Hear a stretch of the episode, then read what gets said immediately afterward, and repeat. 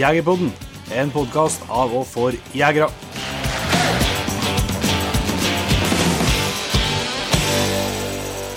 Hjertelig velkommen til en helt ny episode av Jegerpodden. Jon Inge, i dag er vi på, nå er vi på tur nedover til Jegeren og hundens dag. Mm. På Viltgården i Iveland. Yes. Jegerutfordring. Er du taggad? Ja, det blir eh, godt å endelig få ta seg en tur til Sørlandet. Ja. La det. Ja. Så det skal vi jaggu kose oss med. Og det som hvis noen hører på som er i nærheten og hører er helt ferskt, så er jo ikke det det dummeste å slenge seg med på det. Men eh, før du gjør det, så kan du jo kose deg med dagens gjest, som er en kar som heter for Arnold Lø Mm. fra Steinkjer. En eh, godt eh, voksen kar som eh, jeg vil si har eh, over gjennomsnittlig eh, både interesse og glød og lidenskap for jakt. Mm. Og, og dertil innsikt og historie. Og bra formidlingsevne. Absolutt. Så her er det mye å se fram til. I tillegg så har Arnold, vært på eh, i Vestisen, Ja. som på selfangst. Det er jo ikke eh, alle forunt, og det er jo eh, eh, historier som er viktig å både få fram, og som det er utrolig interessant og artig å høre om, syns jeg. da. Mm. Og jeg vet du sitter og bare gleder deg på ei lita innledning som vi har funnet om en Arnold som vi kan være en slags teaser helt i starten her da, fra Jegerårboka 1998. ja. Jeger 98, den store jaktårboken. Her står det litt om en eh, Arnold Ingersjø. Så jeg kan lese opp en liten innledning her. Så får folk et inntrykk av hva som kommer i senere episoden her. Ja. Arnold fra Steinkjer er et uvanlig menneske. Ikke bare er han nesten to meter, sterk som en bjørn og snill som et lam, men han er sannsynligvis også den mest jaktende jeger som finnes i Trøndelag. Ja, han er ofte hjemmefra, han er, ofte, han er så ofte hjemmefra at mange lurer på hvordan han får tid til å passe på sin vakre kone og søte barn, for ikke å snakke om stillingen som ingeniør for et multinasjonalt eh, farmasøytisk firma. Men Arnold har vært så heldig å finne Norges tålmodigste kvinne, og på hyllene har han ikke bare skytterpokaler, men også massevis av diplomer for glimrende arbeidsinnsats på jobben. Jo, Arnold er et uvanlig menneske. Faktisk har han bare to uvaner. Han kommer alltid for seint, og, han har en utrolig jaktflaks. Som gang på gang driver han selv hans tålmodigste jaktkamerater til randen av vanvidd, eller i hvert fall påfører dem et akutt angrep av misunnelse. Det er jo ikke, det, er- og han som har skrevet, er jo Søren Ervik, Ja. som, eh, som er kanskje kjent for en eh, del av våre lyttere som en eh, både stor eventyrer og, og jeger og forfatter og fotograf og hva ikke. Så det å få en sånn omtalelse av han, det vil jeg si eh, Det er sterkt. Ja, det er sterkt. Så det kan dere eh, straks eh, glede dere til å høre litt bakgrunn for det. Men jeg tenkte vi skulle innom en par småting her før vi Det er litt småting før Jegerpoden, da, men kjappe ting før vi går setter over. Ting som må nevnes. Absolutt. Mm. fredagen så, som var, så var vi så heldige at vi skulle få dele ut den store Patrion-premien som vi trekte før jul. I lag med våre venner i Nordvik så fikk en Steffen Vega hente seg en eh, flunka ny Jegerpodden Hilux.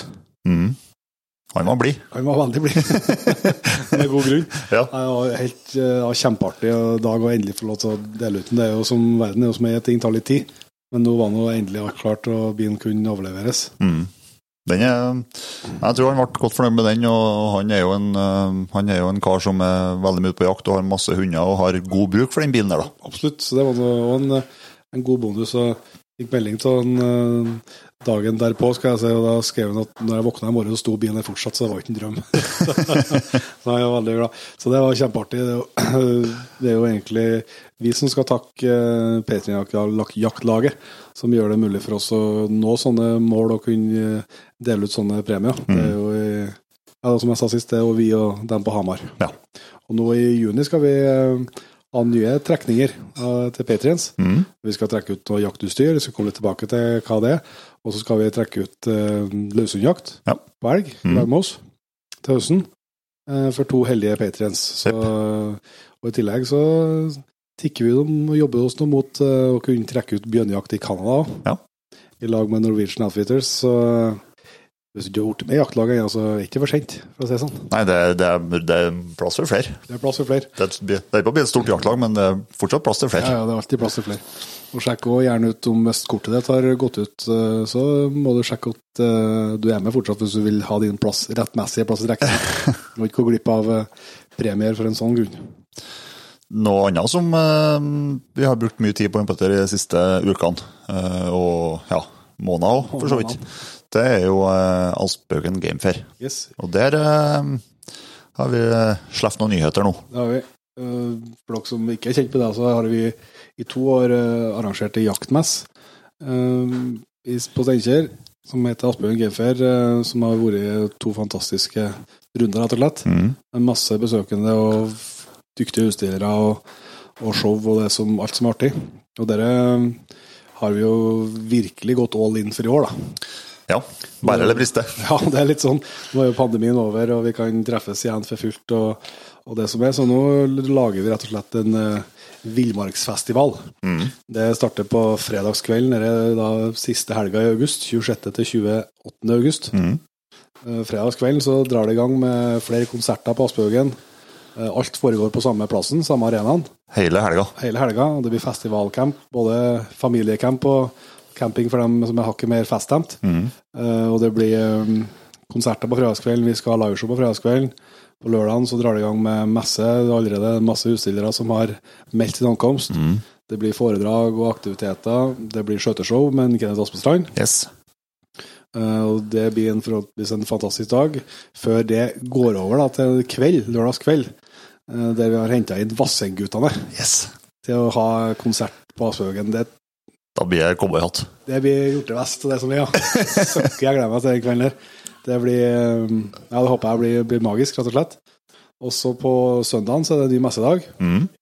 Da med selvsagt utstillere og det som hører med, og i tillegg så kommer det noen svensker Jepp. eh, som skal ha FMX og FSX-show. Yes. Det er jo du som er motorsportentusiasten i redaksjonen, men uh, det blir jo kjempeartig. Det er tohjulinger og snøscooter i lufta. Yes, hopper og gjør alt mulig triks. Eh, Begge er vel X Game tidligere, to er i hvert fall tidligere X Games-deltakere. Stemmer. Så det er folk som eh, vet hva de holder på med. Ja, det vil jeg si. Så nei, det blir Som du var inne på, Bære eller briste, det er mm, et arrangement som er for litt sånn eh, ståpels av at vi skal arrangere, både av glede og frykt. Yep. En eh, fin blanding, men vi får satse på at vi Det kan gå bra. Det kan gå bra. Og i verste fall så går vi ut med en jævlig artig smell. Ja. Så sett en stor rød ring rundt eh, siste helga i august hvis du har anledning å ta turen til Asbjørn Genfer. Det er i hvert fall vår klare oppfordring. Yes, Men da setter vi over til en Arnold. det gjør vi. Da har vi gleden av å ønske Arnod Lø hjertelig velkommen til Jegerpodden. Ja, takk skal du ha. Det har vi gleda oss på i lang tid nå, Lodd. Vi vet at du er en særdeles både erfaren og ivrig jeger, og i tillegg så skal du ta oss med ut i Vestisen, så det skal vi komme tilbake til. Men eh, jeg tror vi må starte der at eh, du, Arnold, får lov til å fortelle litt om deg sjøl. Ja da, det kan jeg prøve. Og jeg var vokst opp i en tid hvor det heldigvis ikke var noe PC og telefon og, og greier, da. Så at vi hadde tid til å gjøre ting vi likte, da. Nå så ser jeg jo med stor eh, skepsis og frykt på en måte da, med alle ungene som sitter timevis med, med telefon og, mm. PC, da, og ikke får oppleve det som jeg gjorde. da. Jeg vokste opp litt sør for eh, Steinkjer, mellom sjøen og skogen. Og vi var jo ute i, i, i terrenget og i fjæra hele året. Eh, Jeg husker mor mi hadde plysterpip, så jeg ble jo plystra inn om kvelden. Og vi ville jo aldri inn, og vi drev idrett hele tida. Ski, og det var naturlig. Vi syntes det var artig og, og likte det. Eh, Vi må jo kunne fortelle den gangen, så så samla vi jo fugleegg. Hadde jo samlinger og sånn og bytta og greier, men det førte jo til at vi, vi lærte jo navnene på alle fuglene og lydene og alt, da, og det har jeg jo nytte av ennå. Ja. Og øh, det er jo fy-fy i dag, da. Men eh, det var annen tid den gangen. Og eh, så hadde jeg en bestefar som drev kilnotfiske etter laks. Og det var jo spennende for en guttunge, da. Så jeg var fra jeg var en fem-seks år, da, så var jeg jo med og rodde og lina nota hele sommeren. Begynte jo 14. april og Ute i fjordene her, eller? ja, fra Steinkjer og sørover. da. Hadde jo fem nøtter. Fiska for gårdene der. Og ofte så var jo min jobb å bore laksen da, i en blaut strisekk på ryggen opp til gårdene. Og belønninga var en appelsin når jeg kom opp. Men eh, du ble jo sterk, og, og en 10-15 kilos laks for en 10-12-åring, det var ei bra bøl. Så, og, men det var artig. Vi jobba og var med på alt. og våren og høstånd og på gårdene og alt. Og, og jeg tror kanskje det var kimen til at jeg ble glad i naturen. da. og veldig opptatt av det. da. Så vi, vi bada og fiska og undersøkte all slags bunndyr og sjel og opptatt av alt sånt. da. Og det prega jo meg, da, sånn at når jeg var ferdig, jeg gikk jo naturfaglinja på gymnaset. Og etterpå så begynte jeg å studere studerte geografi først, og grunnfag i det, i Bergen. Ja. universitetet så gikk jeg over til kjemi og biologi, så det var typisk realfag. Ja. Uh, og der uh, møtte jeg jo mange uh, fine kompiser. da. Noen drev med marin biologi, og noen andre ting. da. Zoologi og, og sånn. Og vi har kontakt enda og sånn. Ja, Vi snakka bl.a. om en tidligere gjest i Jegerpodden som du ble kjent med der. Ja, en, Torstein Storås, Ja. Som er amanuensis, han er vel professor emeritus nå, tror jeg, på Hannestad. Og jeg snakka med han på telefonen for ikke så lenge siden, og det var veldig artig. Harding. Ja. Han var en harding òg. og de Hardanger-guttene var glad, glad folkeslag. Han, eh, han hadde jo en forster på hybelen i Bergen, som han eh, hadde når han to hovedfag på, på Varaldskogprosjektet, som er et skogsfuglprosjekt som er veldig kjent. Ja, riktig. Og han skriver jo i nesten eh, hvert nummer av jakt og fiske. Veldig artig å lese av dere. Han skrev jo siste han skrev i Jakt og fiske, var jo det at han, de skulle ha en sånn eh, jaktbane på Gammelheimen i, i Alvdal. Eh, sånn at, nei, på Koppang. Ja. Og med, med servering av eh, visse forfriskninger og, og sånn, da. Og når gamlingene hadde lagt seg klokka fem, så kunne bygdas ungdom komme og bruke banen. da. Så de har sånn løpende villsvin og greier, da. Det var jo et godt forslag. og ja da. Og jeg syns jo det er veldig viktig i, i dag at uh, det med foreldre og det med unger, at de tar med ungene ut i skog og mark. Får dem bort fra de sosiale medier. altså De kan ha en viss tid, men ikke hele døgnet. altså. Og det, det er jo gjort studier på det der og, og sånn. og eh, Det har mye å si for folkehelsa, ikke minst. Og der kommer jo jakt inn òg, da. At du eh, det har jeg lyst til å ta opp litt senere, og det med verdien av jakt og hvorfor vi jakter og sånne ting. Det er jo veldig mye som kan diskuteres der, da. Og eh, jeg hadde en onkel som hadde støvere, Hamilton-støver. Ja. Var harjeger og revjeger. Ja. Ikke minst revjeger med Hamilton. da. Så gikk han over til beagle. Drev oppdrett med beagle og sånn. Og da begynte jeg å være med han på harrejakt da jeg var tolv år. Både rev og harre, da. Og jeg fikk kjøpt meg enkelløper Beretta hagl 12-kaliber for 150 kroner på Sportshytta. Ja. Har jeg, har jeg ennå. og med den så skjøt jeg utrolig mye jerp. det var det første jeg skjøt. Hjelpa? Jeg var tolv år, ja. Og jeg hadde jerppip. Og jeg husker det var så artig å være oppe i skogen og sitte med den jerppipa, og jerpa svarer. Og tynn, fin lyd med jerppipa. Du får kjøpt dem ennå. Og det er jo knallartig å begynne å lære å jakte. Og Jerpa kom gående. Og i granskogen, da. Ei blandingsskog. Og Fantastisk mat. Ja, jeg syns fremdeles at det, jerp er det beste fuglen. Et lyst, fint eh, kjøtt. Og, og så var jeg jo med på harejakt, da, og fikk eh, sansen for det. Og jeg kan vel takke han for at gnisten ble tent på harrejakt. da. Og, eh, men så var jo det at jeg måtte jo enten være med noen, da, men når jeg etablerte Vi kom tilbake fra Bergen i 80 på, på Steinkjer her, da, og vi har bodd her faktisk siden, så fikk vi jo egne hunder, da. Ja. Og både først drever og setter. Vi hadde to settere, bestandig settere, for vi jakta mye ryp, da. Kona mi var jo veldig interessert i rypejakt. Og det var eng engelsetter, eller? Ja, engel, bare engelsettere. Og det var nesten enklere å ha to hunder enn å ha én. For det sosiale, hundene er jo veldig sosiale vesen. Og i 81 var første året Hege var med på rypejakt ute i Verran.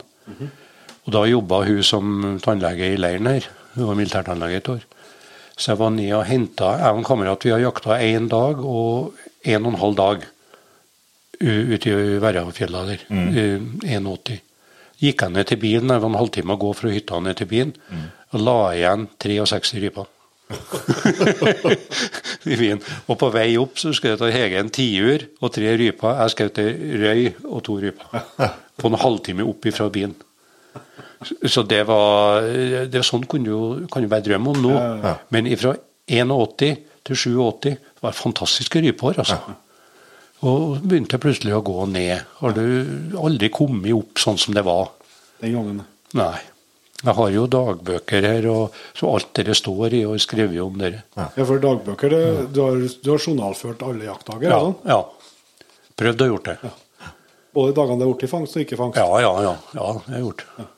Jeg ser du har, du har egne bøker som du, som du skriver. Er det, er det, er det jaktjournaler som du får kjøpt? Eller, Ja, ja da, du får kjøpt. Og en Jon Oppdal ga jo ut en veldig bra eh, jaktjournal, ganske tjukk bok. Som faktisk står eh, alltid om, om en har noe igjen av det nå, det er jeg litt usikker på. Men jeg ga jo en sånn en til eldste sønnen min, da, med Jørgen. Men eh, som jeg vet, så tror jeg ikke han har fulgt dere hele tida. Men jeg har jo blitt en gammel mann nå. Det er fryktelig artig å gå tilbake og lese eh, mange år tilbake. Men hva noterer du? da? Liksom, er det bedre å føre? Skal jeg noterer hvor vi har vært og hvem jeg har vært sammen med. Ja. Og, og hvordan hundene har vært og, øh, og sånn, da. Men uh, og, og, og resultatet? det er jo litt, ja da, og det er jo litt sånn grovt. Jo, jo, jo. Men, men da husker du jo, Ja, da- når du får stikkord. Ja, Da husker du Ja. historia bak. Ja, og jeg synes jo, jeg har jo en del eh, studiepoeng i statistikk. Men Jeg syns jo at at statistikk er interessant òg. Ja.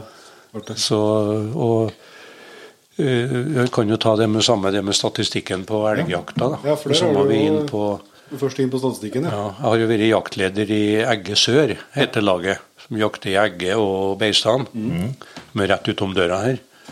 I 31 år nå. Vi begynte i 91. Og ført all, alt som er skutt i, og, og som er vektig, og hvem som vi vært med, og hvem som har kjøpt, og, og alt ligger der. Ja. Så, og, men ikke minst vekting og, og hva som er skutt og alt sånt. da. Vi kikket litt på han. Det var ikke noe sånn enkel øvelse å se utviklinga på sånn Nei. over. Jeg kanskje trodd at vektene på særlig kalver har gått ned de siste åra, men det er vanskelig å dra en slutning ut av det. Altså. Jeg tror det har mer med, med års eh, både harde vintre eller årsnedbør, sommernedbør, sånne ting, vektsesong, sånne ting de spiller mer inn. Men, men det som har forandra seg i løpet av de årene, det er noe, det er noe antall elger og, og elg, Ja. elgstammen. Ja, ja, og voldsomt. Ja. Vi har jo 10 000 mål. Og første året vi jakta, hadde vi fire dyr. Ja. To voksne og to kalver. Nå har vi vært oppe i 17, og vi ligger jevnt på 12-14. Ja. På 10 000 mål. Det er jo en tetthet som er helt uvanlig. Ja, ja, ja. Så det skal bli veldig interessant å se i år, for vi mener at det var en eh, betydelig nedgang i fjor høst. Ja. Det er første året ikke vi har skutt fullt. Ja. Men vi, vi kunne ha gjort det, men vi gjorde det med, med vilje, så holdt vi igjen. Ja. Så, for Det er ikke var rapportert om det flere plasser på Steinkjer? Ja. ja, Innrøya og ja, oppover Ogda, Henning. Og, Så det, det er en eh, Men så kommer det utover mot kysten igjen. Sånn som eh, Sjøåsen utover Tøttdalen, Flatanger, så er det jo elg overalt. Så det, om det er en vandring eller om det er en annen, det vet jeg ikke. altså. Men det har jo blitt skutt ganske tøft på Steinkjer siste Ja, ja, det har det. Ja. Nei da, og En annen god læremester jeg hadde i Hårøyjakta, det var jo en Øyvind Kalle Dahl. Den gamle fotballspilleren. Aha. Han var jo dommer og både på og, og hårhunder. Og han var førsten jeg var med på elgjakt. Så vi inne på det, og det var i 68. 1968. I, ja, i Rokdalen oppe i Ungdalen. Ja. Og det var før skytefeltet kom. Så da var det å gå ifra hovedveien forbi det heter Myggheimen og Storokta inn til Brandåstu. Det var tre timer å gå innover. Og i og med at jeg var skårunge, som det heter på Lofoten, da, så beta de fast en kasse med langpils oppå sekken min.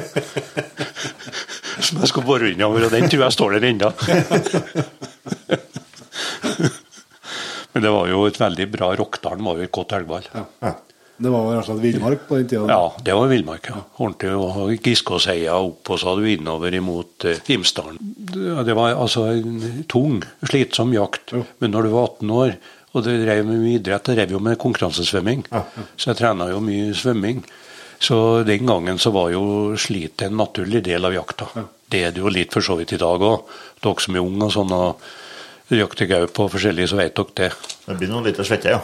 Ja, Og opplevelsene blir jo større når du sliter litt. Jo, jo. Men hvordan var 68? Var det elg oppi der da? Ja, det var elg, men det var på langt nær sånn som det er nå, nei. Nei. nei. Men jeg tror jo det at kanskje kommer vi ned på et eh, naturlig nivå nå, på et akseptabelt nivå. For det har jo vært mye avgang med trafikk og beiteskader. og ikke minst så har vi det med rundballene de går og et hele vinteren, og, og sånn, og litt kunstig fôring. Men dere har funnet noen døde elger? med Tre elger. Ja. Og Med rundball i magen, eller plast, da.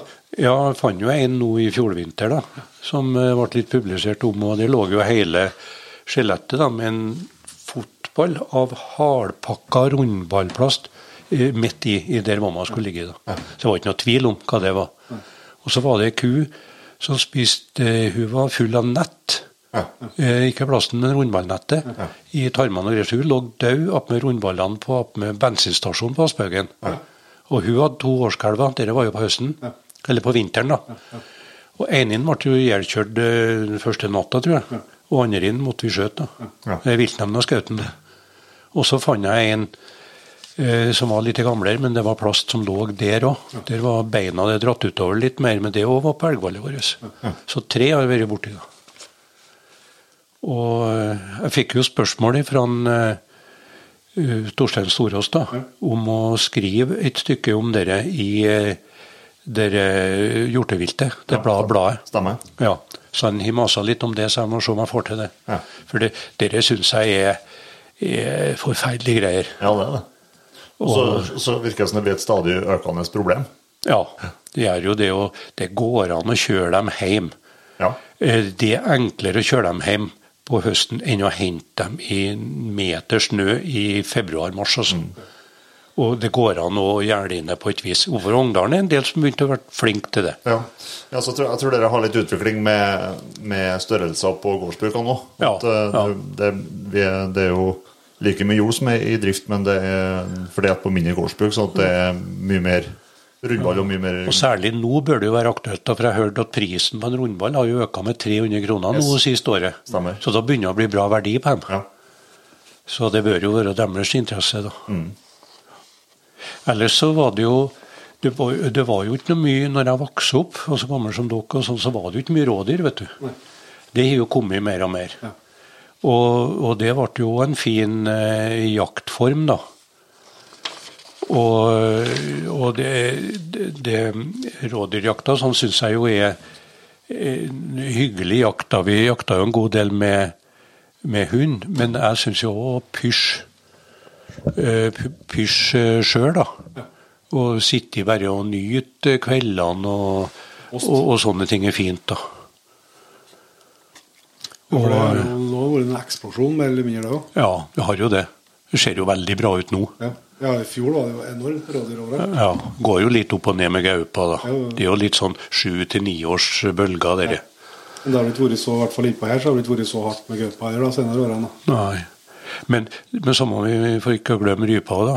Han Jon Oppdal var på Brandsfjellet, på Livfjellet, på ø, molttur Ja. for to-tre år siden. Da så vi mer eh, kråk og måse enn vi så ø, ryp og storfugler. Altså. Det er trist, altså. Og det var måsereir på hver kjønn innover fjellet der. Sånn var det ikke før på 80-tallet, eller? Aldri. Nei. Så det var sjelden, ja. Du kunne jo sånn måse i fjellet, men det var sjelden, ja. Og så en fredag.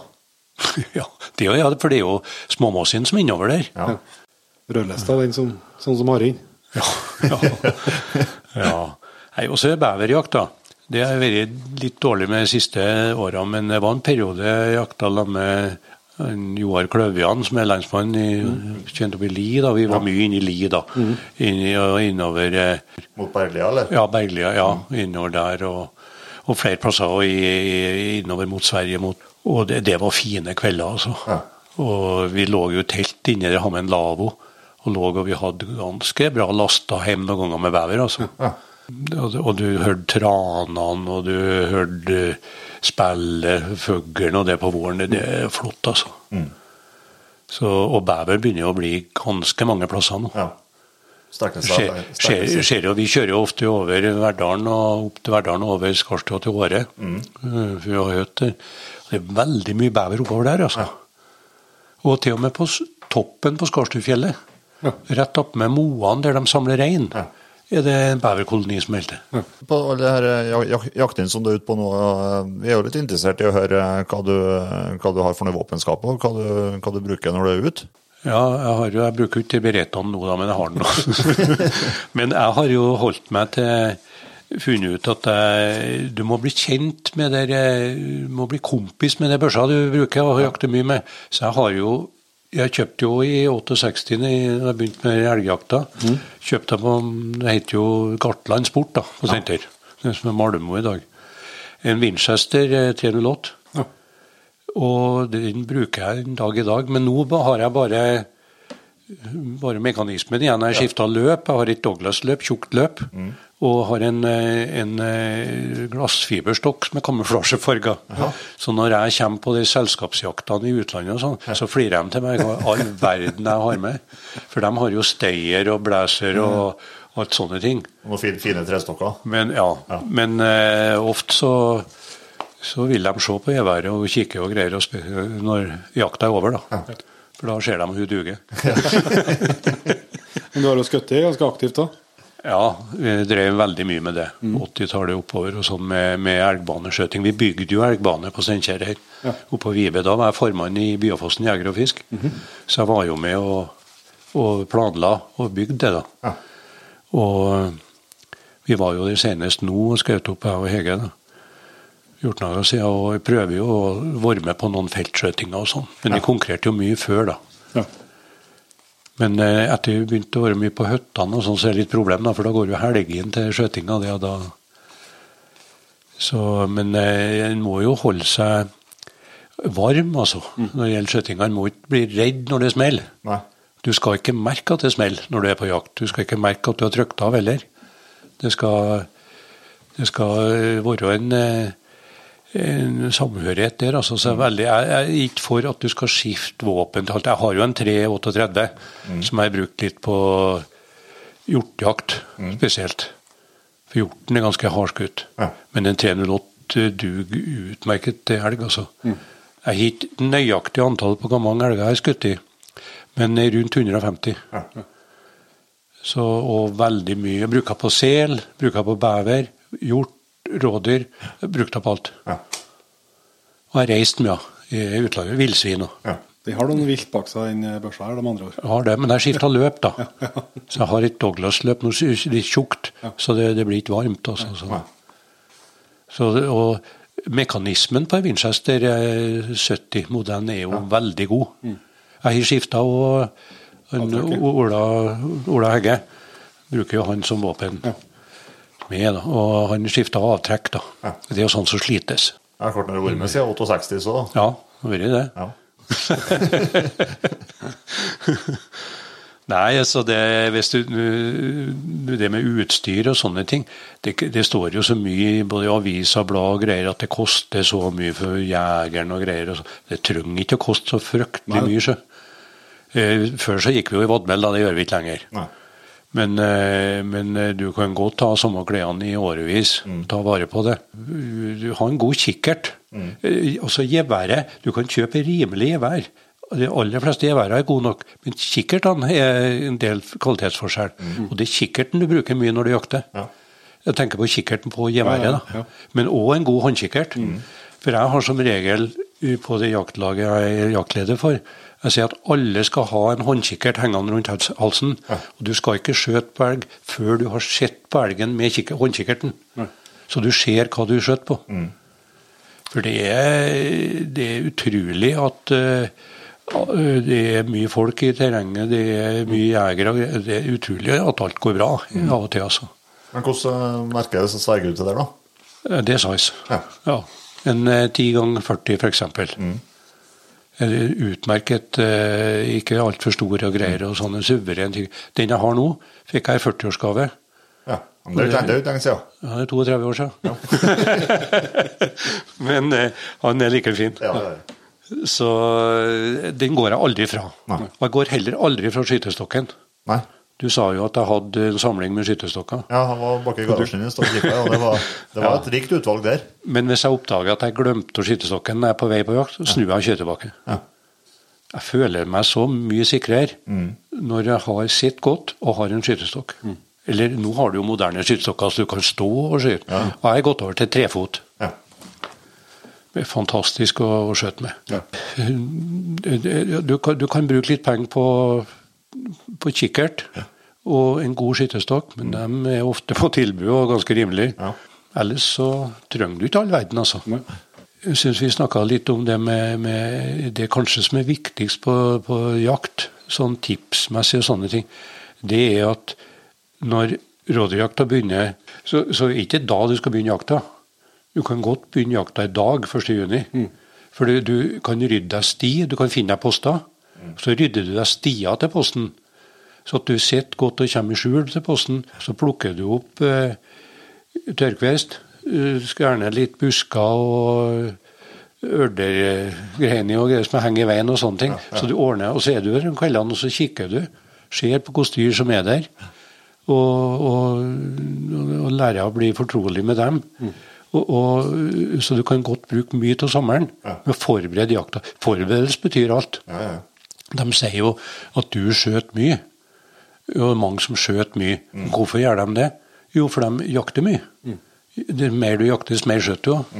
Og, og kanskje forberedelser teller mest. Så det er et råd til meg, altså til nye jegere og sånne ting. Begynn eh, jakta tidlig. På hundefronten, da du sagt at har hatt eh, tidligere. Hvordan Ja. ligger det an med Vi hadde, vi hadde eh, setter av førsten, den kjøpte jeg oppe til Os i Østerdalen. Og en stor hannhund. Og var veldig fin. Og så kjøpte jeg òg hund som eh, han eh, Schott var faren til. Han Einar Holmvik. Han hadde jo kongepokalvinner og greier.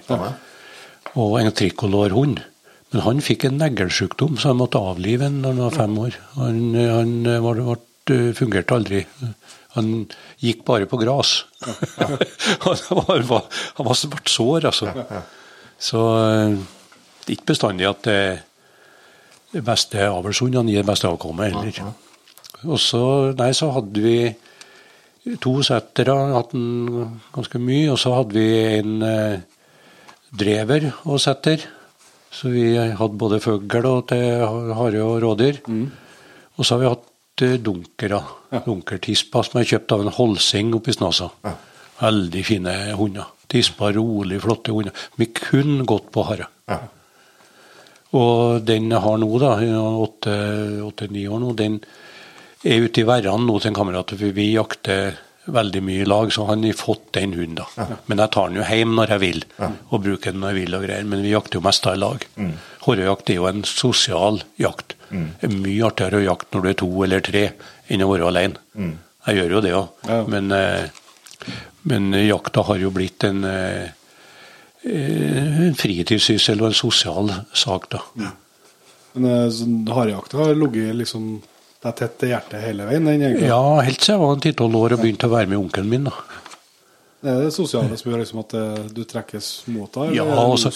Hårjakt er ikke enkelt, altså. Nei. Hårjakt er, er vanskelig. Du skal, en, jeg sier det, og det har jeg sett når det kommer nye folk inn på elglaget til oss, eller er med som gjestejegere. De som har jakta hårå før, de er òg gode elgjegere. Ja. For de vet hvor de skal stille seg hen. Ja. Fordi hårån han går ikke hvor som helst. Nei. Han går enten en strupe eller en der det er trangest, eller over et berg. eller sånne ting, Og det er ofte elgen. Ja. Så det, det er jo De fleste viltet gjør jo det. De vil, ja, de vil jo skjule seg. Så det, det er en fin jakt å begynne med Ja. for ungdom, tror jeg. ja, absolutt. Men du sitter med stoppklokka og venter på timer og sånt? Nei, eller? nei, nei, det gjør jeg ikke. Nei, nei.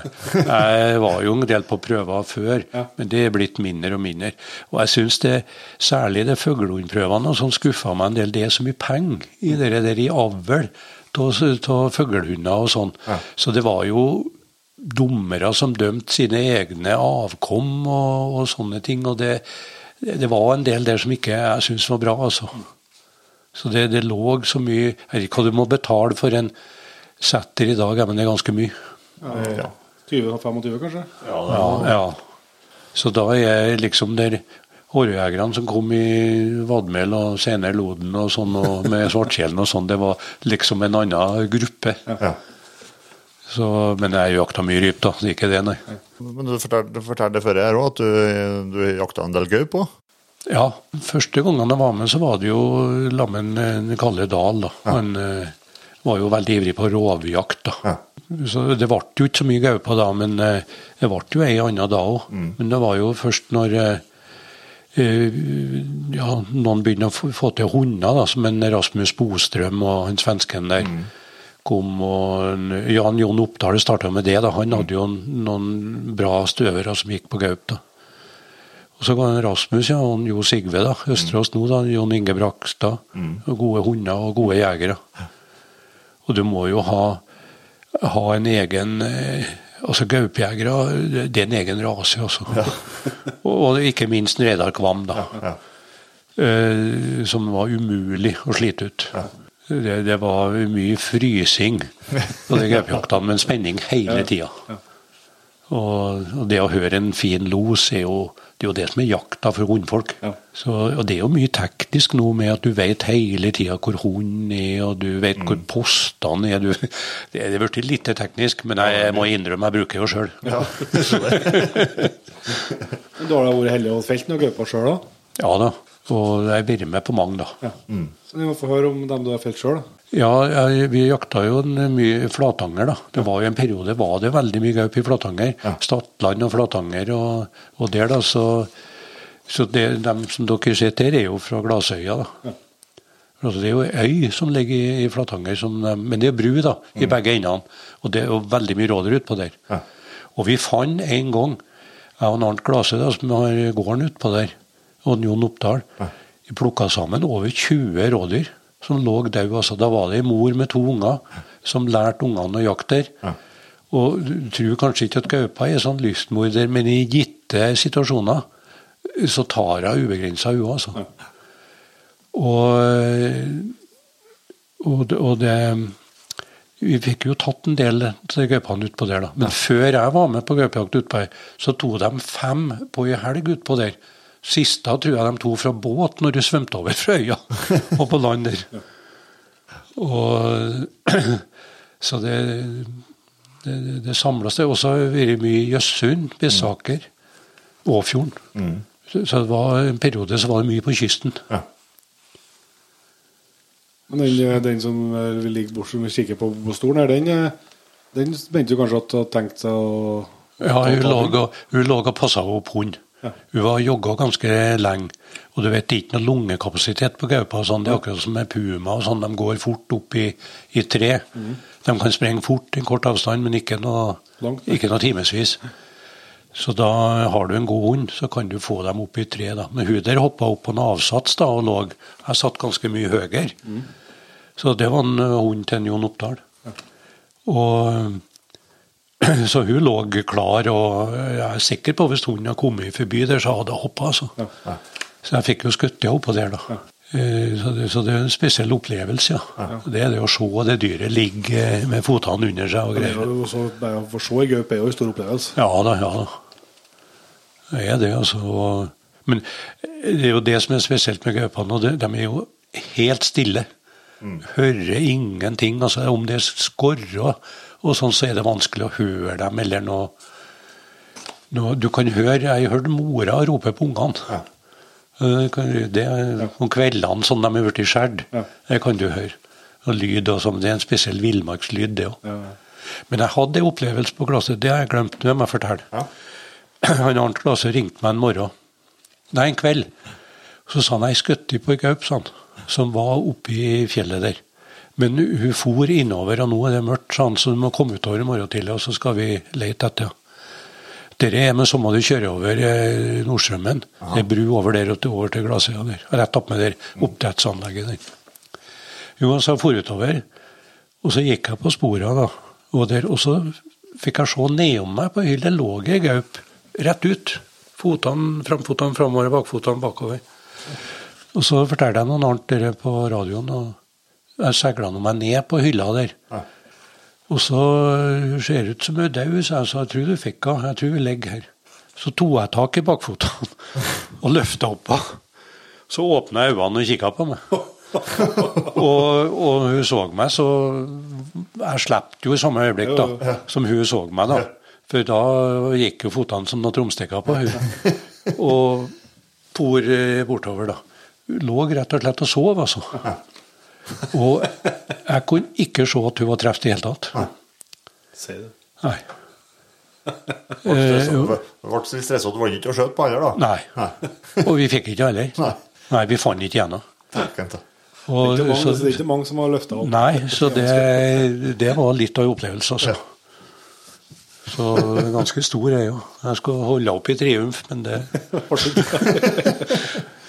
Så det, det om, om hun har vært borti noe før med noen, noen bil eller et eller annet, så det er vanskelig å si. Altså, jeg vet ikke, Men det var merkelig at hun var så uoppmerksom.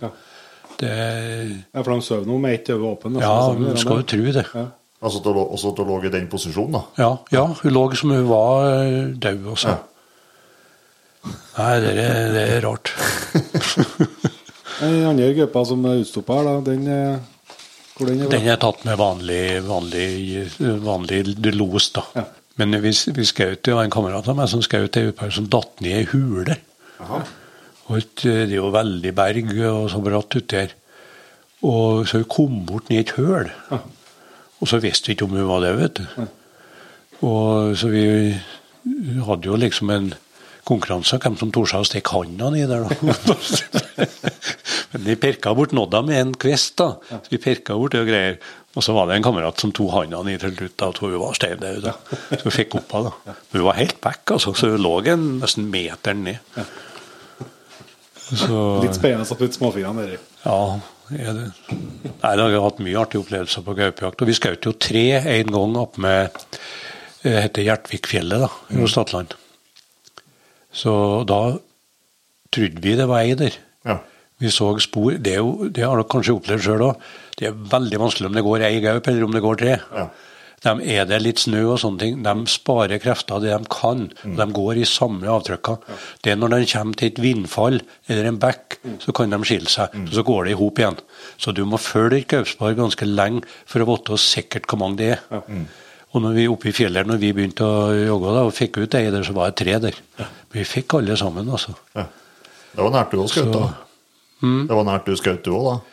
Ja, ikke så veldig nært, da. Men, eh, men eh, kameraten min var jo en som skjøt to, da, og en ei, da. Ja.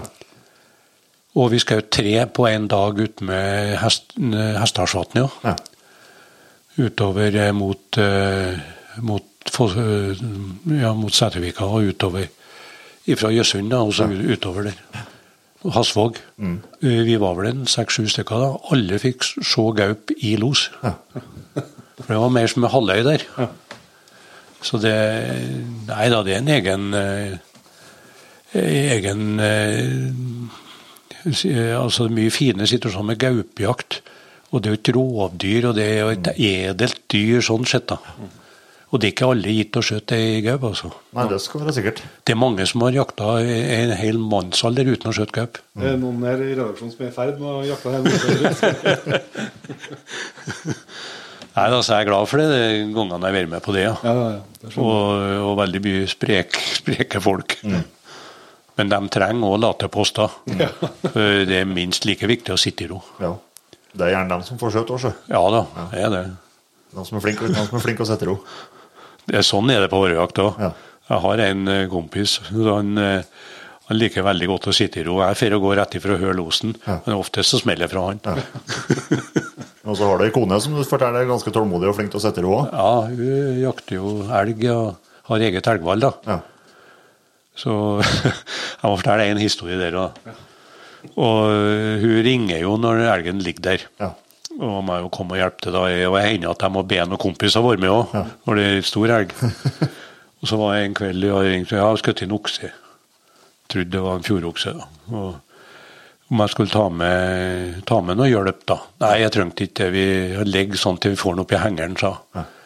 Og jeg kjørte den oppover mot Henning, der da, der vallet oppover der da. Og, og kom dit, da, så lå elgen på hvitstripa på veien. så vi måtte, vi måtte ha elgen av veien og ned på jorda. vi hadde ikke skutt inn der, nei. Nei, vi skjøt den eh, ned på jordene der, da. Men han har gått liksom eh, opp mot veien etter skuddet, og så tok han en liten eh, ring der før han la seg ned. Så han lå akkurat utom hvitstripa. og da fikk vi den oppi sjøl, da. Men hun er like ivrig som deg, hun. Eh, Hun er nesten ivrigere. Og eh, hun, hun nyter veldig godt med bruket som rekreasjon og Ja. avslapping sånn, og er veldig ivrig på, på rådyr og, og, ja, og, og, rypejakt. Elsker jo rypejakt. Så, så det, det er litt artig, da. Nå, nå er vi jo, vi er jo to ennå. Så vi er jo mer glad at hun skjøt enn at jeg skjøt. Og syns det var veldig artig. Hun kommer med noe jeg kan flå, da.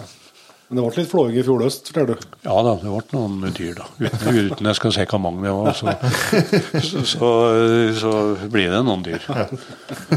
Vi var jo på hjortejakt på, på Hitra og, og var med, og det er jo veldig artig da, å se. Det er jo besett med dyr utpå her. Men eh, vi har skutt en del hjort på Åtterøya. Og Hege har jo hatt fast hjortvalg ute på, ut på Tøttalen. Så det har jo hendt uh, fått to dyr på morgenen der òg. Ja, Hjorten kommer for fullt. Ja da. Men jeg kan jo òg fortelle litt om uh, om eh, Nå er vi inne på det som eh, Du vet, Norge er jo kanskje noe av de landene du har største muligheter til å jakte. Og vi vet ikke hva heldige vi er. Det er få land som har eh, Ingen land som har sånn eh, allmennrettigheter sånn som vi har i Norge, og så store muligheter til å kjøpe kort. Mange syter og klager litt at det begynner å koste litt. Men det er jo sånn i Norge at det er jo grunneieren som eier eh, retten på dyra. Det er det ikke i USA. Der er det landet som eier det. Så en grunneier eier aldri en laks, han eier aldri en hjort, eller sånne ting. Det tilhører folket. Så der er det jo trekking. Hvis det er flere som vil jakte eh, wapiti f.eks., enn det er felling på, så er det trekking. Alle har rett til å jakte bjørn og wapiti og alt sånt. Ja. Så, så det er jo litt annerledes her. Men i Norge så er det jo relativt lett å få kort. Jeg har jo vært inn på gårda og spurt om jeg kan jakte horre her. Ja, horre og bartjukk er bare du tar så mye du vil, Sam. så det er hjertelig velkommen. Så det, Kommer du til andre land over Europa, sånne ting, så er det jo gjerder og stengsler. og Det er veldig, det er jo liksom adelen og overklassen som jakter mange plasser. Så, så jeg har jo reist en del og, og jakta. Det, det er jo litt artig å se. Dere, du må jo ta en regel. Når du kommer til et annet land, så skal du ta reglene sånn som de er der. Du skal være litt, ja, ta skikken og være litt forsiktig sånn. Så, og, og, det gjelder òg Jeg har jo jakta i Hviterussland.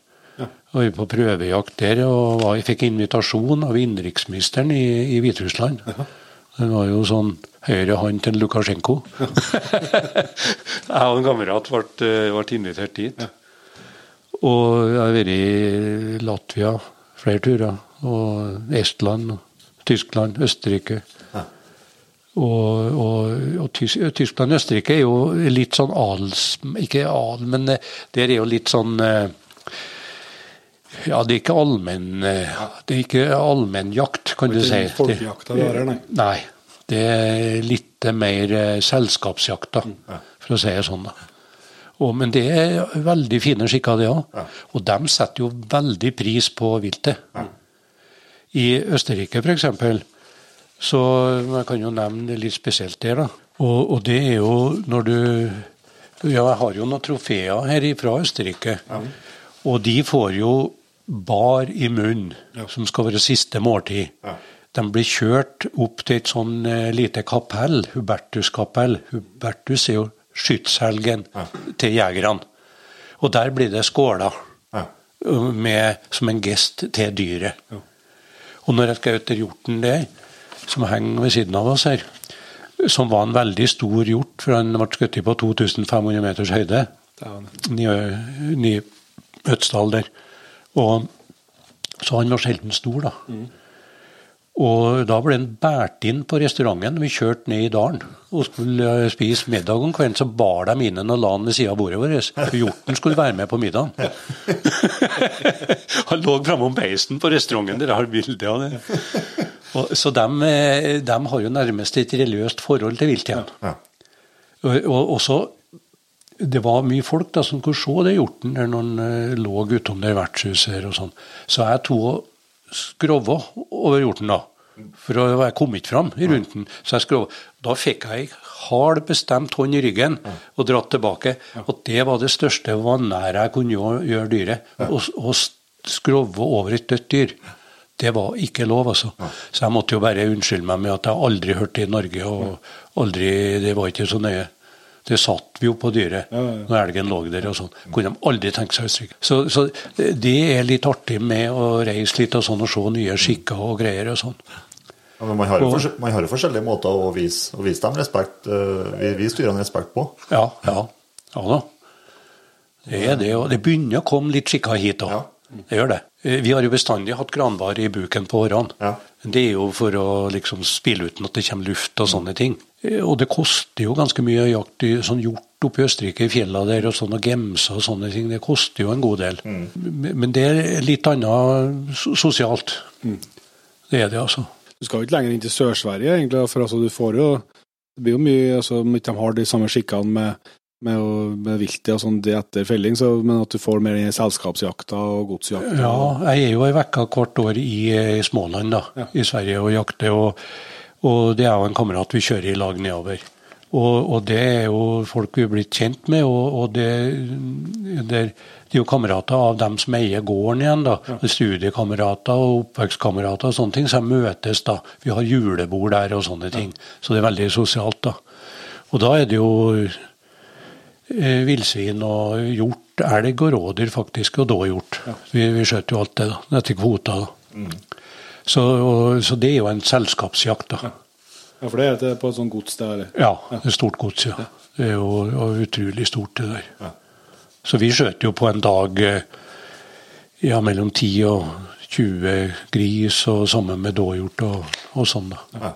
Og det er jo slaktere der som eh, vi bringer inn til slaktbu, da, som tar seg av å flå det og åle og greier. Og vi har hundfolk med, en familie som har en eh, åtte-ti hunder.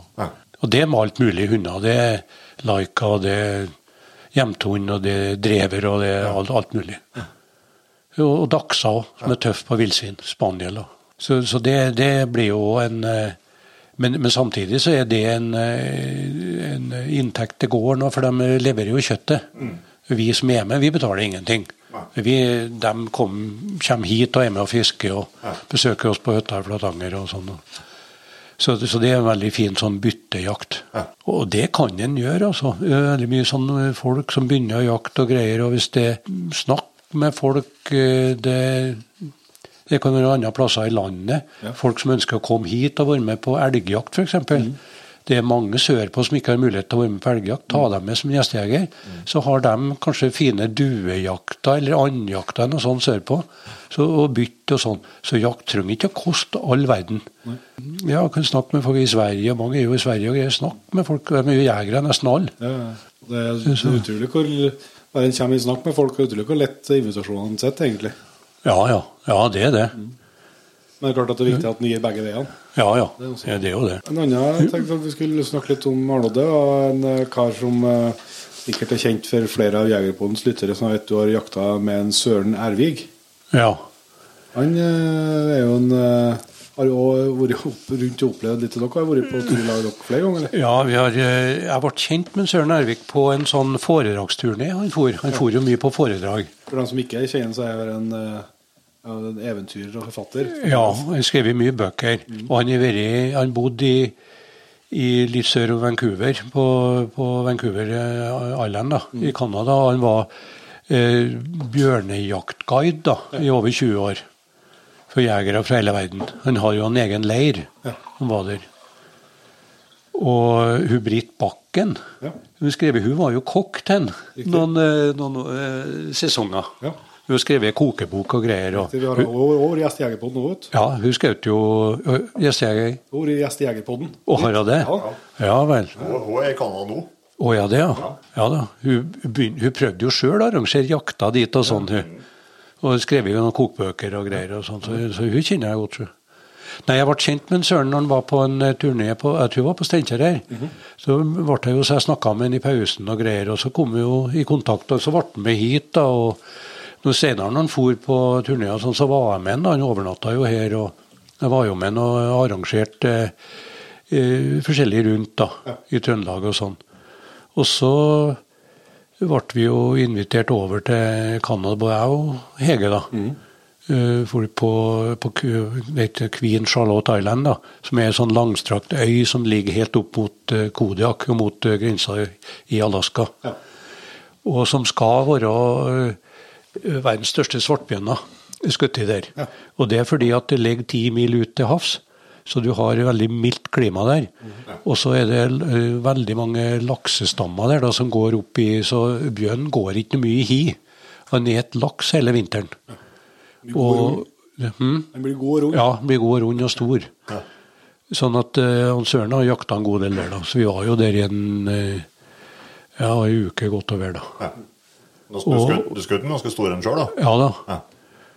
Og den henger eh, på hytta. da. Ja. Det var mye bjørn der. Ja. Det var artig å se på bjørnene òg. Altså, Sitte og se og så bjørnene når du kjørte bil og for over veien hele tida og greier. Og. Det var jo en sånn indianere, sånn indianerlandsby ute på der øya der. Var kjent for det totempælene sine og sånn. Og spesiell stamme som var der, da. Og så det, det var interessant. da. Og så var jo søren meg med til Vi var i Estland i lag, på øya Sarema. Eh, og jakta en del der. Og vi var mye på Storfosen. Jakta rådyr der. På Storfosen. Så hadde jo en Søren en god del eh, kontakt med han dansken som eh, har hunting eh, eh, video. Det som laga alle filmene. Jeg husker ikke navnet på han nå. Men eh, jeg var med til Polen blant annet og laga en lokkefilm på rådyr. Det var i juli. Ja. 35 varmegrader, og det gikk jo Det var varmt. Men det var jo i brunsten, da, så vi måtte jo ta det, da. Så vi laga film med det, da. Og så jeg var med en, en del turer med en Søren, da. Og han var veldig fin. Han har jo norsk mor og dansk far, så han har både norsk og dansk statsborgerskap. da. Veldig rolig, fin. Han var med oss på elgjakt. da. Dyk, dyktig jeger òg. Ja, veldig dyktig jeger. Rolig. Han, eh, han eh, Sånn som kona. Han sitter og venter. Han ville vilt viltet skulle komme til han. Og flink til å observere og, og alt. da. Og han, han var ikke noe sånn typisk troféjeger. Han var glad når han skjøt en stor rådyrbukk og sånne ting. Men så ble han etter hvert mer og mer hengt opp på Afrika. Ja. Reiste veldig mye dit. Da ble han litt mer troféjeger. Ja. Men så plutselig så ble han lei all jakt, og begynte bare å fotografere. Ja. Så siste åra har han bare fotografert. Men, han, det, men med den måten han fotograferer på, sånn, han setter samme kravet til en da som jeger, kanskje mer òg. Ja, ja. Med å komme på hold og sitte og vente og alt det der. Så opplever naturen litt på samme måte. Det tror jeg. Så jeg snakka med han på telefonen av og til. Så. Nå er det en stund siden, men jeg håper jo han lever, da. Jeg har ikke hørt noe annet, men han begynner å bli oppi åra. Ja. Arne, vi har jo snakka om eh, mye forskjellig, både jakt og jaktopplevelser så langt. Men det, du var jo inne på det med statistikken og, og den interessen din for det. og Det, med, det går jo fort over i forvaltninga og viltforvaltninga. Det vet jeg òg du har en del tanker omkring. Ja. Det, det, det interesse for de statistikkene det tror jeg kommer av studiene mine. da, At jeg gikk så lenge på, på biologi. da. Ja. Og det var jo veldig mye eh, mye, Det skal være mye akkurat. Du må vite hva du snakker om. Og, Og jeg har jo har jo en, en viss eh, følelse av at det er en del som snakker om ting de ikke har greie på. Og, og som eh, de, de, kan være veldig bra teoretisk, har gått på oss i universitetet og sånne ting, men de har ikke eh, vokst opp på landet og ikke, ikke jakta. Og ikke sett eh, sånn som det egentlig er. da. For det er forskjell på lærebøker og naturen. Og, og vilt, da. Og, og, i Norge så vil jeg jo si det at det er jo stort sett ikke forvaltning. Vi, vi høster, men vi så jo ingenting. I, i, til og med i Russland, i Hviterussland, der jeg har vært og jakta, så vinterfôra de alle dyr. Jeg jakta på et område som har vært jaktområdet til politikereliten i Russland i 400 år. Det var 400 000 mål. Mm. Og de var, det var 800 ansatte der som styra med viltet og skogen. Ja. Og, og de eh, la ut uh, mais, potet og høy. De, de hadde bison der. der visenten, Den europeiske visenten hadde dem der. Og, og, de hadde masse hjort. Elg, villsvin, rådyr. Alt, altså. Og enormt med vilter. Og, men de fôra han. Jeg tror ikke kanskje at de trengte det, men de eh, ville ha gode dyr. Mm. Og, og, de jakta jo mye, da. Mm. Og i Skottland, som jeg har jakta en god del, så legger de ut grus til rypa. Ja. Grushauger og sånn. Ja. Og de brenner, stripebrenner lyngheiene for å fornye lynget. Mm. Det hadde jo veldig effekt. Ja. Gammelt lyng beiter jo ikke rypa. Ja. Og, og rådyr heller. Eh, og hjorten og der, da. Mm. Det er jo lyngspisere, det òg. Det er jo røstlyng de lever av, stort sett. Og i Norge så blir det jo lenger og lenger mellom store elgokser. Mm. Jeg har jo jakta elg i, i, siden 68, da. Over 15-50 år. Og størsten har skutt i 14 spir. Ja. Jeg i mange fra 12-13 og nedover, men ikke noe, noe, store. Så det er jo rart jeg ikke har vært borti en stor, skikkelig stor elgokse. Jeg har jo sett dustent dem, men, men det er jo fordi at Ofte så er det jo det største som skjøttes i Norge. Og i andre land så er de jo opptatt av det, det sterkeste dyra skal tas vare på. I Østerrike, som har vært en del jakta hjort, da, mm. så skal hjorten være minst 11 år, helst 12-13 før du får skjøtt den. Han skal begynne å gå i retur. Ja. Du får ikke skjøtt dem som er, er det beste. Sånn at uh, det, det, er veldig, veldig akkurat. Du får beskjed altså, på forhånd hva du kan skyte. Mm. Og sånn burde det ha vært litt mer av her òg, altså. Og, og, og det med fugl og med ryper som vi snakka om på 80-tallet, først på 80-tallet var det veldig bra ryper. Nå er det av og til det blomstrer opp litt, men ikke sånn som det var. Og det er deprimerende å gå og se all måsene i fjellet og fjellvåken. Du vet en fjellvåk tar ei ryp per dag. Så minker det, altså. Mm. Det er et manglende samspill i naturen når det er sånn, altså. Det er viltstellkonsulentene som på 60-tallet begynte å fore rundt på bygdene vet du, og forkynne en lære som sa at eh, det har ikke noe hensikt å bekjempe rovviltet, for de sa faktisk det. Ja. Og det med, med viltstellkonsulenter det dukka opp på 60-tallet. Ja. Det var en ny tittel, det. Og jeg syns jo det var veldig godt gjort å få innbilt folk på landsbygda dere der, da. For det er jo dess mer rovvilt det, det er for meg, dess mer ugras er det i åkeren, altså. Ja. Så det kan jo ikke bli mer, mer, vilt når det er mer rovvilt. Det er som å si at det blir mer korn, det er dess mer ugras det. Mm. Så det Men eh, det er jo veldig vanskelig å, å snakke om det der. Ja, ja. Ja, så er det jo Det blir jo stadig mer og det blir stadig mer rovfugler av, de, av de artene som vi slett ikke får gjort, gjort noe med heller. Nei, nei, det, det er jo det. Mm. Og så har du jo det Jeg er jo sjøl uh, blitt drapstrua. Ja. Og Kripos til og med har etterforska det. Ja. fordi at det, det var i forbindelse med gaupejakt. Ja. Det var bilde av meg og noen gauper i Det var jo flere ganger det var det, da. Ja. I avisa og greier. Og ble, fikk jo brev. Ja. De visste hvor jeg bodde, og visste hvor familien min var og greier. Og, og, så det, det, var ubehagelig, altså. Ja. Og så jeg har jo sagt til alle nå ikke ha de bildene i avisa. Og, og, det er veldig sterke, sterke, krefter i samfunnet som prøver å få jakt til å være en moralsk forkastelig aktivitet. altså. Det er mye sånn eh, jaktmyndighetenes beslutninger og tyder på at det byråkratenes generelle holdning til jakt og fangst i enkelte tilfeller det stopper mulighetene for å jakte på livskraftige stammer. Og tar bare det når jeg blir sjokkert når jeg så at de kunne tenke seg å føre opp horrene på rødlista. Fordi at de sammenligna det som var innmeldt på det kortet vi fyller ut, vet du, skutt og sånn, at det var så lite innmelding om felt horre de tre siste åra, altså så sammenligner de på 90-tallet. Men jeg kan jo bare se oppe i Ungdalen nå så er det to som jakter horre. Ja. På 90-tallet var det 20 i hvert fall. ja. Og sørpå så kan de ikke slippe en hund, for ulven tar den med en gang. Det er På Ulvik skjær ute i verden så er det elgjegere som er, har over 100 000 mål i Aremark, som er gråhundfolk, som jakter med løshund. Som kan ikke slippe en hund når de har prøvd det. Hunden blir tatt med en gang. De jakter i Trøndelag for at de kan drive med hobbyen sin, som er løshundjakt med gråhund. Og da er de store grunneierne i der. Ja, ja. Helt ødelagt jakt deres. Så det, det, det er jo en god del jaktbare arter da, som er freda.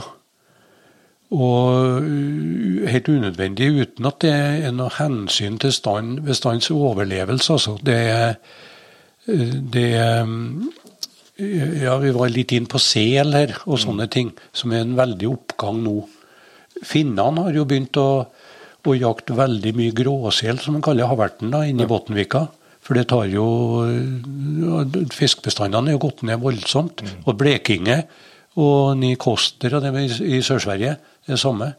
Har de jo plutselig funnet ut at det er jo selen som er årsaken til at Østersjøstammen med torsk er nesten borte. Ja. Så der har de jo òg øka kvota, det, men dette kommer ofte for seint. De, må- de må se det på et tidligere punkt, altså. Og jeg vil jo si at grunneier, bygdefolk og jegere er det de gruppene i samfunnet som stiller seg i første rekke da, til å bevare naturen. Det er jo ingen som ønsker å utrydde Vi som jegere ønsker jo ikke å utrydde eh, noe dyr som vi jakter på. Vi vil jo ha mer og mer. Jeg er jo om vinteren når det er mye snø, så tar jeg med saga. Og så går jeg og så sager jeg ned selje og asp, rogn. Så dere vet det holder til elg og rådyr. Ja. Og så sier de ja, det gjør du bare for du skal skjøte dem til høsten. men eh, eh, altså Jeg kan ikke nekte for det, at vi, vi høster på dem, men jeg vil jo at de skal være levedyktige og ha et eh, godt liv. Da. De skal ikke ligge og sulte i hjel pga. at de ikke får i mat. Og de skal få fine kalver til våren. Og vi vet jo at rådyret går jo med tre-fire foster i seg. Ja. Er det en hard vinter, så kaster de ett og ett foster til kanskje de har igjen én eller ingen. Og jeg har jo sett i områder hvor jeg har drevet litt med det der, så er det tre år på rad var det rådyrgeit som fikk firlinger. Og det er fordi at hun er i god kondisjon når våren kommer. De har jo som forsinka fosterutvikling. Det at der, eh, der eh, viltforvalterne der de må ta bygdefolk og jegeres uh, viten inn i seg òg, altså. Det nytter ikke å være bare teoretiker. Men hvordan ser du for deg Du har nå som sagt jakta, jakta i år 50 år, hvis du får se 50 år fram i tid? da. Ja, eh, jeg håper jo at, eh, at, eh, at jegere kan bli litt flinkere til å skjøte det som er lovlig av rovvilt, i hvert fall. Med, med rev og mår, røskatt, grevling, sånne ting. Og det jeg frykter, er jo det med mårhund, og at det kan komme nye arter. Som er i Estland og Latvia. Hviterussland flyter jo over med mårhund. Kjører du på veiene om natta, så fer det over hele tida. Og de sliter jo med det. Så at de, vi ikke venter for lenge med det. De har jo prøvd litt oppe i Hattfjelldalen og ute med Leka, og, og de har jo fanga en del der, faktisk. Så, og, og, og det da også Ja, og det der med elgen, som er kanskje det eh, det meste vi tar ut i kilo, da. Kjøtt og hjort og sånne ting. Hjorten ekspanderer jo voldsomt. Ja. Og veldig mange eh, tror jo ikke at elg og hjort går i lag, men det gjør den altså. Det ser ut på Stadland og Tøttern og det. Men så er det noe rart igjen, for på Gjøa er det mye elg, men ikke hjort. Åtterøya er lite elg og mye hjort. Så det, de skiller seg litt sånn. Men eh, på Hitra så er jo mye gjort. Det er lite elg, men det er veldig mye rådyr. Mye øker. Så det, det er jo litt spennende framover. Men jeg, jeg tenker jo på, på rådyrjakta. Hvorfor ikke tillate å jakte litt råbukk på våren? Når det lyser fine vårmåneder i stedet for det kalde senhøsten. Og hvorfor skal vi skjøte håndløse rådyrbukker i november-desember? Vi vet ikke hva vi skjøter. Det felles utrolig mye geiter i den tida, for du vet ikke hva du skjøt på. I Sverige, og ja, var vel hele Sverige nå var vårjakt. Ja, det gjorde det. Ja, og Danmark og, og, og Tyskland. Ja, stort sett hele Øst, ja, så er det vårjakt. Og, og det er en som heter Helmut Strandgård, som er sjef for danske viltforvaltninga. Og han er ekspert på rådyr. Og han har fulgt med dere i årevis og ikke sett noen skadevirkninger av den skjøtinga. At de har, eh, Danskene har en ganske lang jakttid, både vår og høst, på rådyr. Ikke sett noe uheldig på det. Og så er det jo I Norge så er det en tradisjon at jakt skal forsvares som et nødvendig onde for å regulere bestand. Det hører dere ofte. Og I tillegg henvises det til trafikkfare og ødeleggelser av eh, skog og mark. da. Særlig det er hogst, eh, altså plantefelt og, og sånne ting. Men personlig så vil jeg aldri forsvare at jakta skal være et nødvendig onde. altså Det er heller et gode. Naturopplevelser, helsebot, et rikere liv, og for å regulere bestanden, da, i siste, kan du si. Så jeg håper at eh, jegerorganisasjonene kan komme på banen for å jobbe for at det også i Norge kan eh, bli vårjakt på bukk. Og, og det med rovdyrbekjempelse, altså. Det, det, diskusjonen der er veldig vanskelig. og Det er jo politikere og parti i Norge som vil stoppe jakta helt. I Holland er det ikke jakt. Og, og det, det sprer seg litt, det ser jeg jo i Europa og sånn òg. Det har kommet folk og ringt på døra til meg. Jeg hadde en horre hengende på veggen. De, de kalte meg morder. Og jeg har fått drapstrusler og alt sånne ting. Så det er du litt frampå, og dere som er i et sånt forum som det her, er jo veldig frampå. Så en skal være litt eh, obs på det. altså Det er sterke krefter her. Altså. Ja. ja, så er det samtidig at den, den, det så er jo viktig å, å fortelle, fortelle om det, som du sier, og, og være stolt av den eh, jakta vi har og den jakta vi bedriver. Ja, ja. det er jo veldig det, Jeg vil jo påstå i Norge at det er veldig altså, Vi kunne selvsagt vært bedre på mye i Norge òg, men det er veldig bra jakt, og det er veldig mye både seriøse og flinke jegere. Ja, det, og det er flere og flere som tar jegerprøven, og særlig damer. Det blir flere og flere. Kjempebra. Og det begynner å bli litt status å servere egenskutt mat. Ja. Det begynner å få, Vilt begynner å få litt mer status. Og, og når det er, er status, så blir det òg verdifullt. Eh, sånn, ikke bare penger og øre og kroner, men òg livskvalitet. Som veldig mange er opptatt av i dag. Og det med, med, med Vi får mer og mer fritid. Og, og livskvalitet er, er viktig, altså. Og så komme seg ut, da. Ikke minst. Ja. Men ikke bare i jaktsesongen. Jegerne må ut hele året, altså. De må forberede jakta. Det er det beste. Og da, da Det er ikke at du skal skjøte så mye, men du skal kanskje skjøte rette dyra, og du skal glede deg over dem du skjøter. Men det, du kan være noe på sommeren nå når du går og kikker i, i, på rådyr i paringstida. Lokke litt for trening og sånne ting. Så sier du han bukken, eh, men han skal jeg ha. Han har gjort sitt beste, han skal jeg ha. Og så går du og venter og kanskje får sjanse til å skjøte han. Da blir du mest glad enn du skjøt en piggbukk. Jeg skjønner jo at vi kunne ha sittet her i Ja, ja. mer eller mindre evig, Arnold, og det er jo ikke noe som er like enn det. Men en av de tingene vi var inne på helt i starten, og som vi har i hvert fall gleda oss eh, veldig til, det er å å bli med deg ut i Vestisen. Du var med på en eh, sesong med selfangst. eh, Hvor langt tilbake er det da? Det var i 78. Ja. Jeg studerte jo i Bergen da. Det var jo slutten av på, studieåret og sånn. Og jeg kjente jo en eh, Ragnar Thorseth eh, ganske godt. Og snakka en del med han.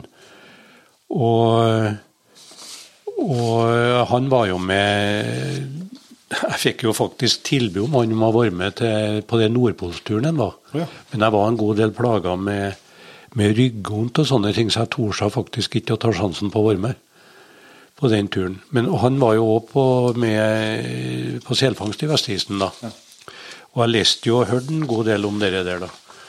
Og kom i kontakt med et rederi som heter Karlsen i, på Brandal sør for Ålesund. Og så fikk jeg tilbud om å være med til Vestisen. da. Og Vestisen er, det jo, er kanskje det selområdet som er tøffest av det norske fangstskuta var. Det var Newfoundland, Vestisen og Østisen. Østisen er jo Barentshavet. Mm. Men Vestisen er jo der strømmen mellom Island og Øst-Grønland, polarstrømmen, som kommer ned. Ja. Som beveger seg hele tida. Og det, den var jo kjent for orkaner og, og vanskelig is og, og, sånne ting. da. Mm. Og det skuta jeg skulle være med, da, det, den het Brandal og var bygd i 1907 var den eldste ishavsskuta den gangen. Den som var eldst, den gikk ned året før, het Fortuna. gikk ned på hjemmeveien. Eh, og jeg reiste nå dit, da. Og, og fikk jo mønstra på den. da. Og vi var 13 stykker om bord. Da. Og da skulle vi fange eh, grønlandssel. Eh, det er jo den som heter white coat, da, det er ungene da, som er hvite. Det var mest verdifulle skinna. Og så var det klappmys. Og ungene til dem heter blueback, da, for den er veldig blå på ryggen og sånn. Ja. Så var jo det vi skulle fange, da. Og vi hadde en kvote på rundt 4000 dyr. Jeg tror totalkvoten var noen og 40 000 dyr i Vestisen den gangen. Ja. Hvorfor ville du altså, Hva, hva både starta i, i så Nei, Det var eh, eventyr. altså. Jeg er veldig glad i, i sånn nordlig områder, kan du si. Ja. Is og Grønland. Jeg har lest mye om dere og sånn, da. Mm. Så det var jo så hørte jeg litt på Ragnar Thorseth og, og, sånn, og ble litt eh, fenga av det. da. Så tenkte også, hadde jeg jo hadde jeg ganske sparsomt som student òg, og, og, som eh, gjorde vi en uh, lykka tur, så kunne du tjene bra med kroner på kort tid. Ja. Og vi gikk den uh, 14. mars.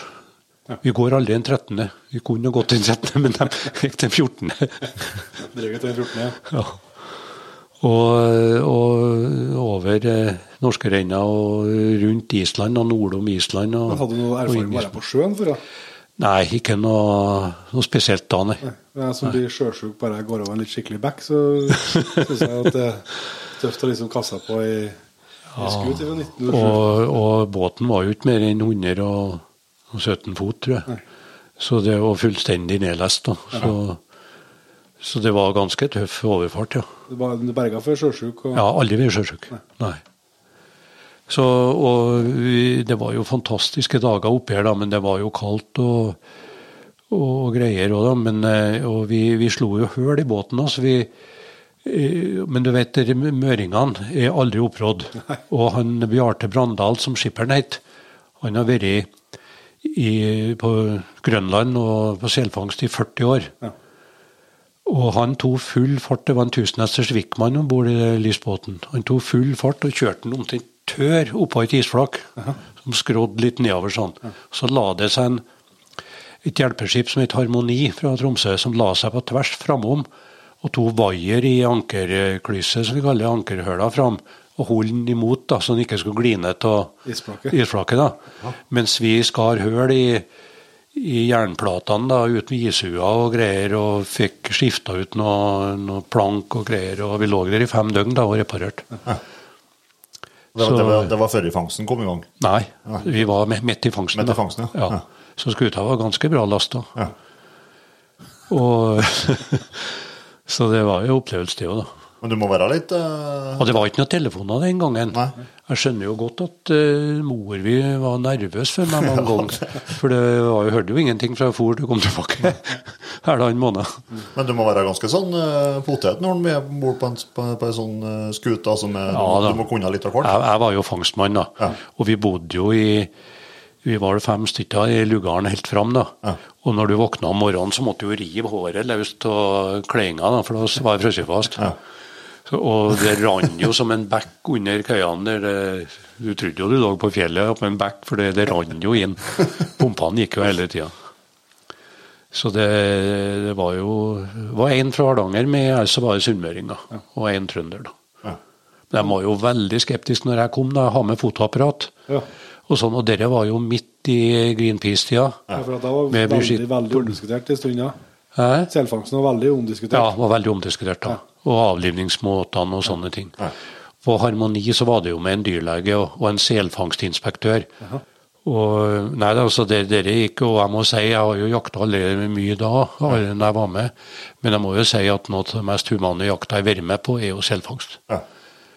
Eh, s- smådyra, da, eller de er jo ikke små, de er jo 30-40 kilo dem òg, de blir jo først slått med en slagkrok i, som går en 5-6 cm inn i skallen. Ja. Og så blir det snudd, og så blir det slått en lang krok inn i hjernen. Ja. Etter at de er, Ja, ja, etter at de er døde. ja. etter at de er skutt Ja, ja. Mm. Med, med, med hodeskudd.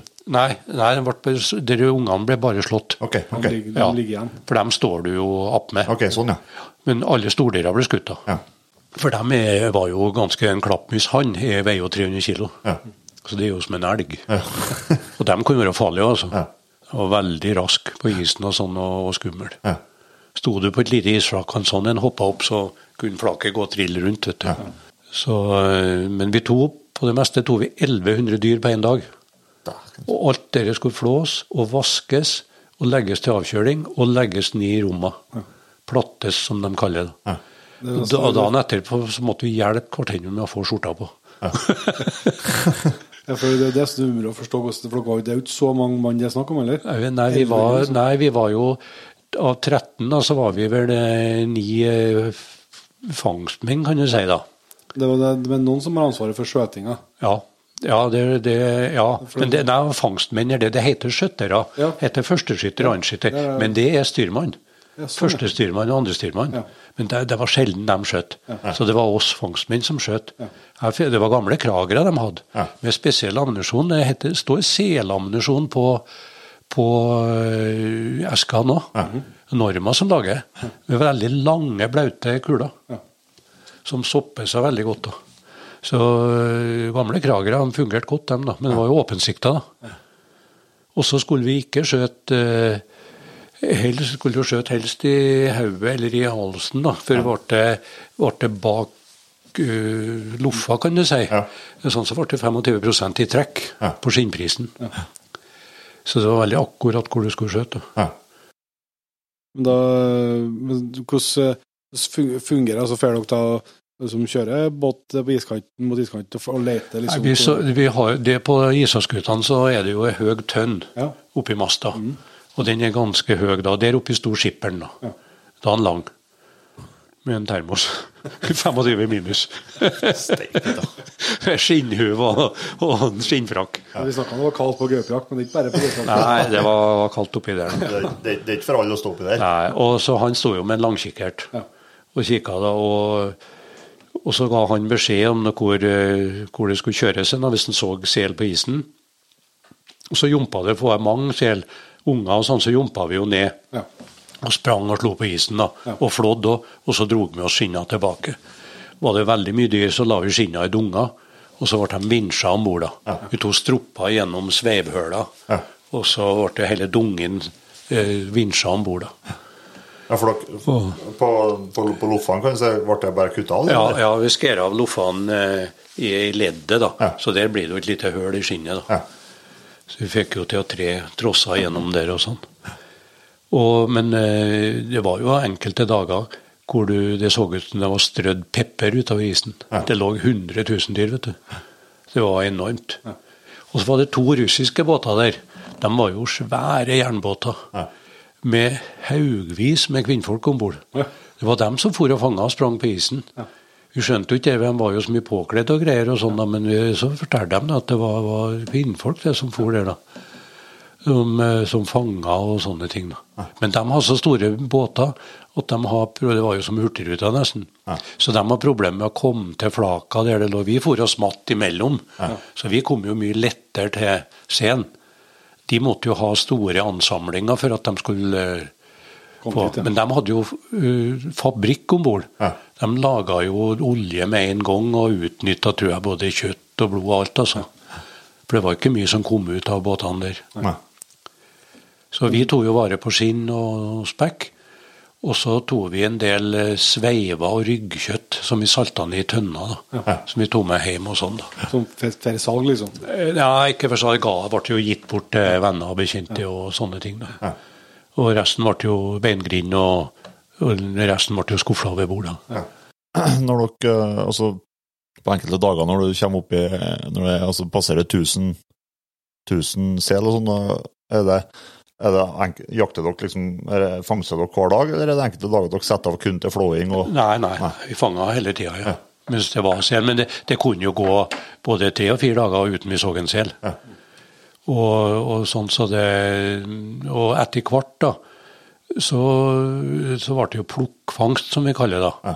Da nærma vi oss Da lå vi nesten utom Jan Mayen.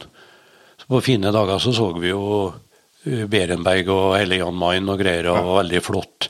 Da begynte jo isen og da begynte jo å nærme seg ja, ut slutten av april og sånn. Da begynte jo selen å skifte, hvitungene skifte jo pels. Så ble det kalt dem lurv. Så da var pelsen nærmest verdiløs, men da var det spekket, da. Men da var det mye spekk på dem. For du skjønner, Sen, han morsmelk, han ligger 14 dager på isen og suger mora. Og fettinnholdet i selmelk er 40 ja. Og kua er 4,7. Så det er ti ganger mer fett i selmelk. Så han dobler vekta si på 14 dager. Og går han i vannet før det er gått 14 dager, tre uker, så søkker han. For pelsen er ikke vanntett. Så det verste som kan skje i, på sånne selkast, kaller vi det, der de, kast, de samles da, kan du si det på hundretusenvis som samles, og så kaster de ungene, før ungene. Og så ligger de der da på. Det verste som kan skje, er at det kommer en orkan i den tida, som bryter opp isen og bekker isen og sånne ting. Så drukner jo alle ungene. Og det har skjedd flere år. Så, så, så det været da er veldig viktig. Ja, det, spiller inn på bestand, når de Ja, ja, ja, ja da. En, en årsproduksjon kan nesten være borte. Ja. For de samles på spesielle Det var liksom mellom noen breddegrader der det lå hovedmengden med sel. Selvsagt så var det spredd sto mye, da. Men eh, med hovedmengden. Eh, Så, også, men når de begynte å svømme, da, og sånn, da spredde de jo seg utover. Og da måtte vi plukke. da. Og da skjøt vi ungene òg, for de hoppa i vannet. De dukka jo med en gang. Så da skjøt vi ungene. da, Sto frampå baugen der og skjøt. Og så hadde vi lange bambusstenger med kroker på, som vi kroka til igjen når båten for. da. Og så måtte vi være to mann og som dro, for da var de jo 50-60 kilo. Så vi avslutta fangsten da vi fikk vel til borti 4000 dyr. Så Vi har kikka på Du har skrevet og ikke minst så dagboknotater. Ja. Men, eh, Det, dukka opp litt navn før, lang, lenge før dit, ja, men en del som snakka om antall, Sven Foyn, ja, ja. de hadde en helt sånn fang som er så umulig å forstå at kan være mulig. eller Ja, han var jo en pioner da, på, på seljakt. Han var jo fra Tønsberg-området, tror jeg. De der, og han eh, Både på sel og hvalfangst. Ja. Sven Foyn har jo med det òg. Og jeg tror han var den som laga den uh, harpun. Ja. Hvalharpun. Eh, med, med sånn sprengstoff i Det var en granat, det, vet du. Men eh, og han hadde jo skuta som gikk til Det var jo spesielt Newfoundland. Ja. Hvor det var største området for norske selfangere. da. Men det var langt å gå dit. Og det var sånn som Brandal. Eh, det var for tøft for en sånn liten båt å gå dit. da. Det var større båter. Og helst jernbåter. da, Som gikk da. Men det hendte jo at de var ferdige i Vestisen. Så var de hjemme og lossa og, og tømte alt på Brandal. For der var mottak av selskinn. Mm. Og der var det jo kokeri, som kokte eh, olje og sånn. Så gikk de til Østisen. Gikk de jo nordover og inn i Østisen eh, mot eh, Arkangelsk og inn der, da. Og fanga. Og, og kunne ta last der og gå hjem igjen. Så det skjedde, da. Der så var jo Brandal en kombibåt, kan du si. Den var på sildfiske på våren og eller på høsten. da. Alt etter som. Når du var ute, da var det litt sånn brytningstid da, mellom eh, så store jernbåter og trebåter? Ja, det begynte sånn. å komme eh, jernbåter da. Ja. Det var jo noen av dem. Harmoni var jo en ganske stor eh, tråler, egentlig. Som var, å hjelpe hjelpeskip, da. Det, må, det, høres, det høres jo risikabelt ut å ferde med en trebåt inn mellom isflakene. Ja da. Og det, det var en båt det året som jeg var med, som de måtte sy i hop før de gikk hjem. På det viset at det var Jeg lurer på om det het selis. Det var oppe ved Lofoten noen plass. og, som holdt på å sprakk og datt ifra hverandre. Så de to vaier rundt den, så kjørte de på, på, på, der, altså på vinsjen og drog til. Så de holdt den i hop med vaier, og så gikk de til Tromsø. så de har ikke opprådd selfangerne, altså. Det, det, det, det, det, Dere det, frøs fast en tur, dere? ja, vi frøs fast lå i, i fem døgn, da. Med der, Ja, når dere grep på- grep ja, men holdt på å reparere, ja. For det var liksom mareritt å fryse inn noe sted. eh, Ja, og det hendte at de gjorde det. Det kunne være båter som frøs inn i, i fra gammelt av månedsvis. Ja, ja. Og, så det, og da, hvis det var skruing da, så gikk de jo ned. Ja. Eh, Brandal ble jo Året etter så gikk de.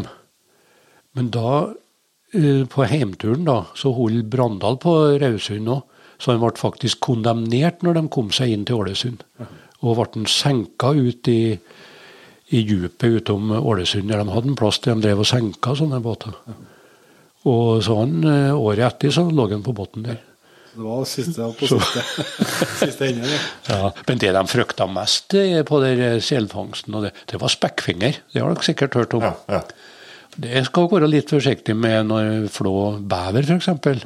Og sånne ting. Og hvis du sker deg for å, at du ikke har hansker og sånn, og får der bakteriene i, i det såret og fingre, det er jækla vondt. Og nå har vi jo antibiotika og alt sånne ting.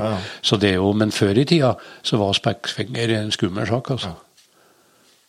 Men dere hadde, hadde dere noen, noen, noen Ja og sånt for, å hjelpe dere med det? Skipperen hadde jo skikkelig medisinkiste og greier, og var opplært i det og alt sånt, så, så det, det var jo greit nok. Og vi hadde jo hjelpeskip, og til nød så kunne jo komme helikopter, kan du si, og sånn, i det tida, så Men det var, det var såpass langt unna eh, land og alt sånne ting, så helikopter kunne ikke eh, eh, Nådde ikke dit uten forsyning, altså. Men en annen kar som jeg noterte meg fra dine notater, har sagt, en, en som du kalte for Henry Hansen. Ja. Det virka som en Han, han, jeg hørte jo om han, for jeg kom, lå på Brandal, så lå jeg et par netter alene om bord i Brandal. Ja. For det, det var jo lokale folk stort sett som var med. Så dukka det opp en fra Hardanger da, som kom. Og så, og så når vi kjørte inn, så jeg hørte snakk om han Henry Hansen der var en som var såkalt dagmann. Som var isskrekk, for han har vært med på et sånt forlis da oppi der. Og, men han eh, hadde det i blodet, så han, eh, han tilbrakt stort sett året på Syltevik hospits i Ålesund med en del forfriskninger. og, så, men kvelden vi lå i Ålesund og skulle ta om bord eh, proviant og utstyr og ekstra pumper og rør og ledninger og alt mulig rart. Og så, Da kom jeg inn med en skipssekk over skuldra. En god og rund, eh, trivelig kar. Det var han Henry Hansen. Han var med som dagmann på Brandal, da, og han lærte jeg mye av. Tror han opprinnelig var fra Bangsund, i hvert fall han og slekter. Og eh, han var en mester i å flå. Så han var på dekk hele tida og flådde. Han torde ikke ned på isen. Han, har- han, Han har ligget et par døgn på et isflak, han la med noe sel før de fant han. Du skjønner at du blir litt fornøyd til å vise at det Og jeg har jo kniven hans, da. Flåkniven, som er en minne om han, da. Så det er litt artig. Men det er sånn som han som var rutinert, hvor lang tid bruker på å flå en sel? da? Nei, unger og sånn, det flådde vi på minuttet, kanskje under det òg. Det, det var ikke mange snitt. Nei. Men en storsel var jo Det var jo over 100 kilo spekk på en klappmus. Ja. Så det var jo litt av et løft. Og så ble de spyla. Men også, når du Og- flår, da tar du Flår du, og så tar av spekket fra skinnet? Nei, eller? nei. Vi, vi lager et snitt fra haka og helt ut til gattåpningen, kan du si. Og så flår vi ned på sidene. Ja. Og, og da kutter du jo blodårene til, til sveivene, da. Ja. Og sånn som blør ut. Og, og du Og så tar du og, og stikker eh, et lite hakk i sveiva, løfte opp der og kutte av sveiva. Men sånn blir et lite hull i skinnet der. Og så rundt på ryggen, og skjære av bak, og så kaster du skinnet framover, og så flår du ut hodet. Litt sånn med helle opp litt, og flå ut hodet, da. Så det går veldig fort. Og så spekket etterpå. Spekket henger på skinnet. Ja. Når vi kom til Brandal, så blir dere tatt, eh, tatt på land, da. Og så blir det lagt på et bånd, vanlig transportbånd mer, som går inn i en maskin med en stor kniv eh, som skiller spekket fra skinnet. Og det var helt perfekt, altså. Og så ble skinnet kasta inn i store tromler med sagflis, varm sagflis, som saug opp alt fettet og urenheter og sånn. Så kom de ut fra sagflisa, så ble de rista og, og stelt med og greier. Og så var det en vraker fra Riber som kjøper alle skinna, da. Så ble jeg klassifisert i, i forskjellige klasser. Ja. Og sånn, og betaling etter det, da. Så, og spekket ble jo da i sånne store tanker og greier, og senere laga olje av. da. Men alt spekket altså på tvers av artene eller typene Ja, er det ja, felles? ja nei da, det var likt. ja. Men et uh, klappmusskinn kunne være over 100 kg, så, så det var ikke bare å dra på. Ble antagelig god på å kveste kniver, Ja, det- uh, vi kvest kniv hver dag, mange ganger om dag. Det, det de blir fort sløve når de holder på med spekket. Ja, de gjør det. ja. Og jeg berga, skar meg ikke noe sånne småsår, kunne bli penger, men eh, jeg berga bra. Også. Og vi hadde jo litt sånn gummihansker på oss, da, litt lange. Og. Men eh, vi så jo ikke ut, da. Etter en ja, eh. Alt var jo blod og spekk, da. Og glatt var det. Du trengte ikke noe håndkrem og sånn? Nei, og den båten der, så var det et uh, utedass da, helt bakerst. Ja.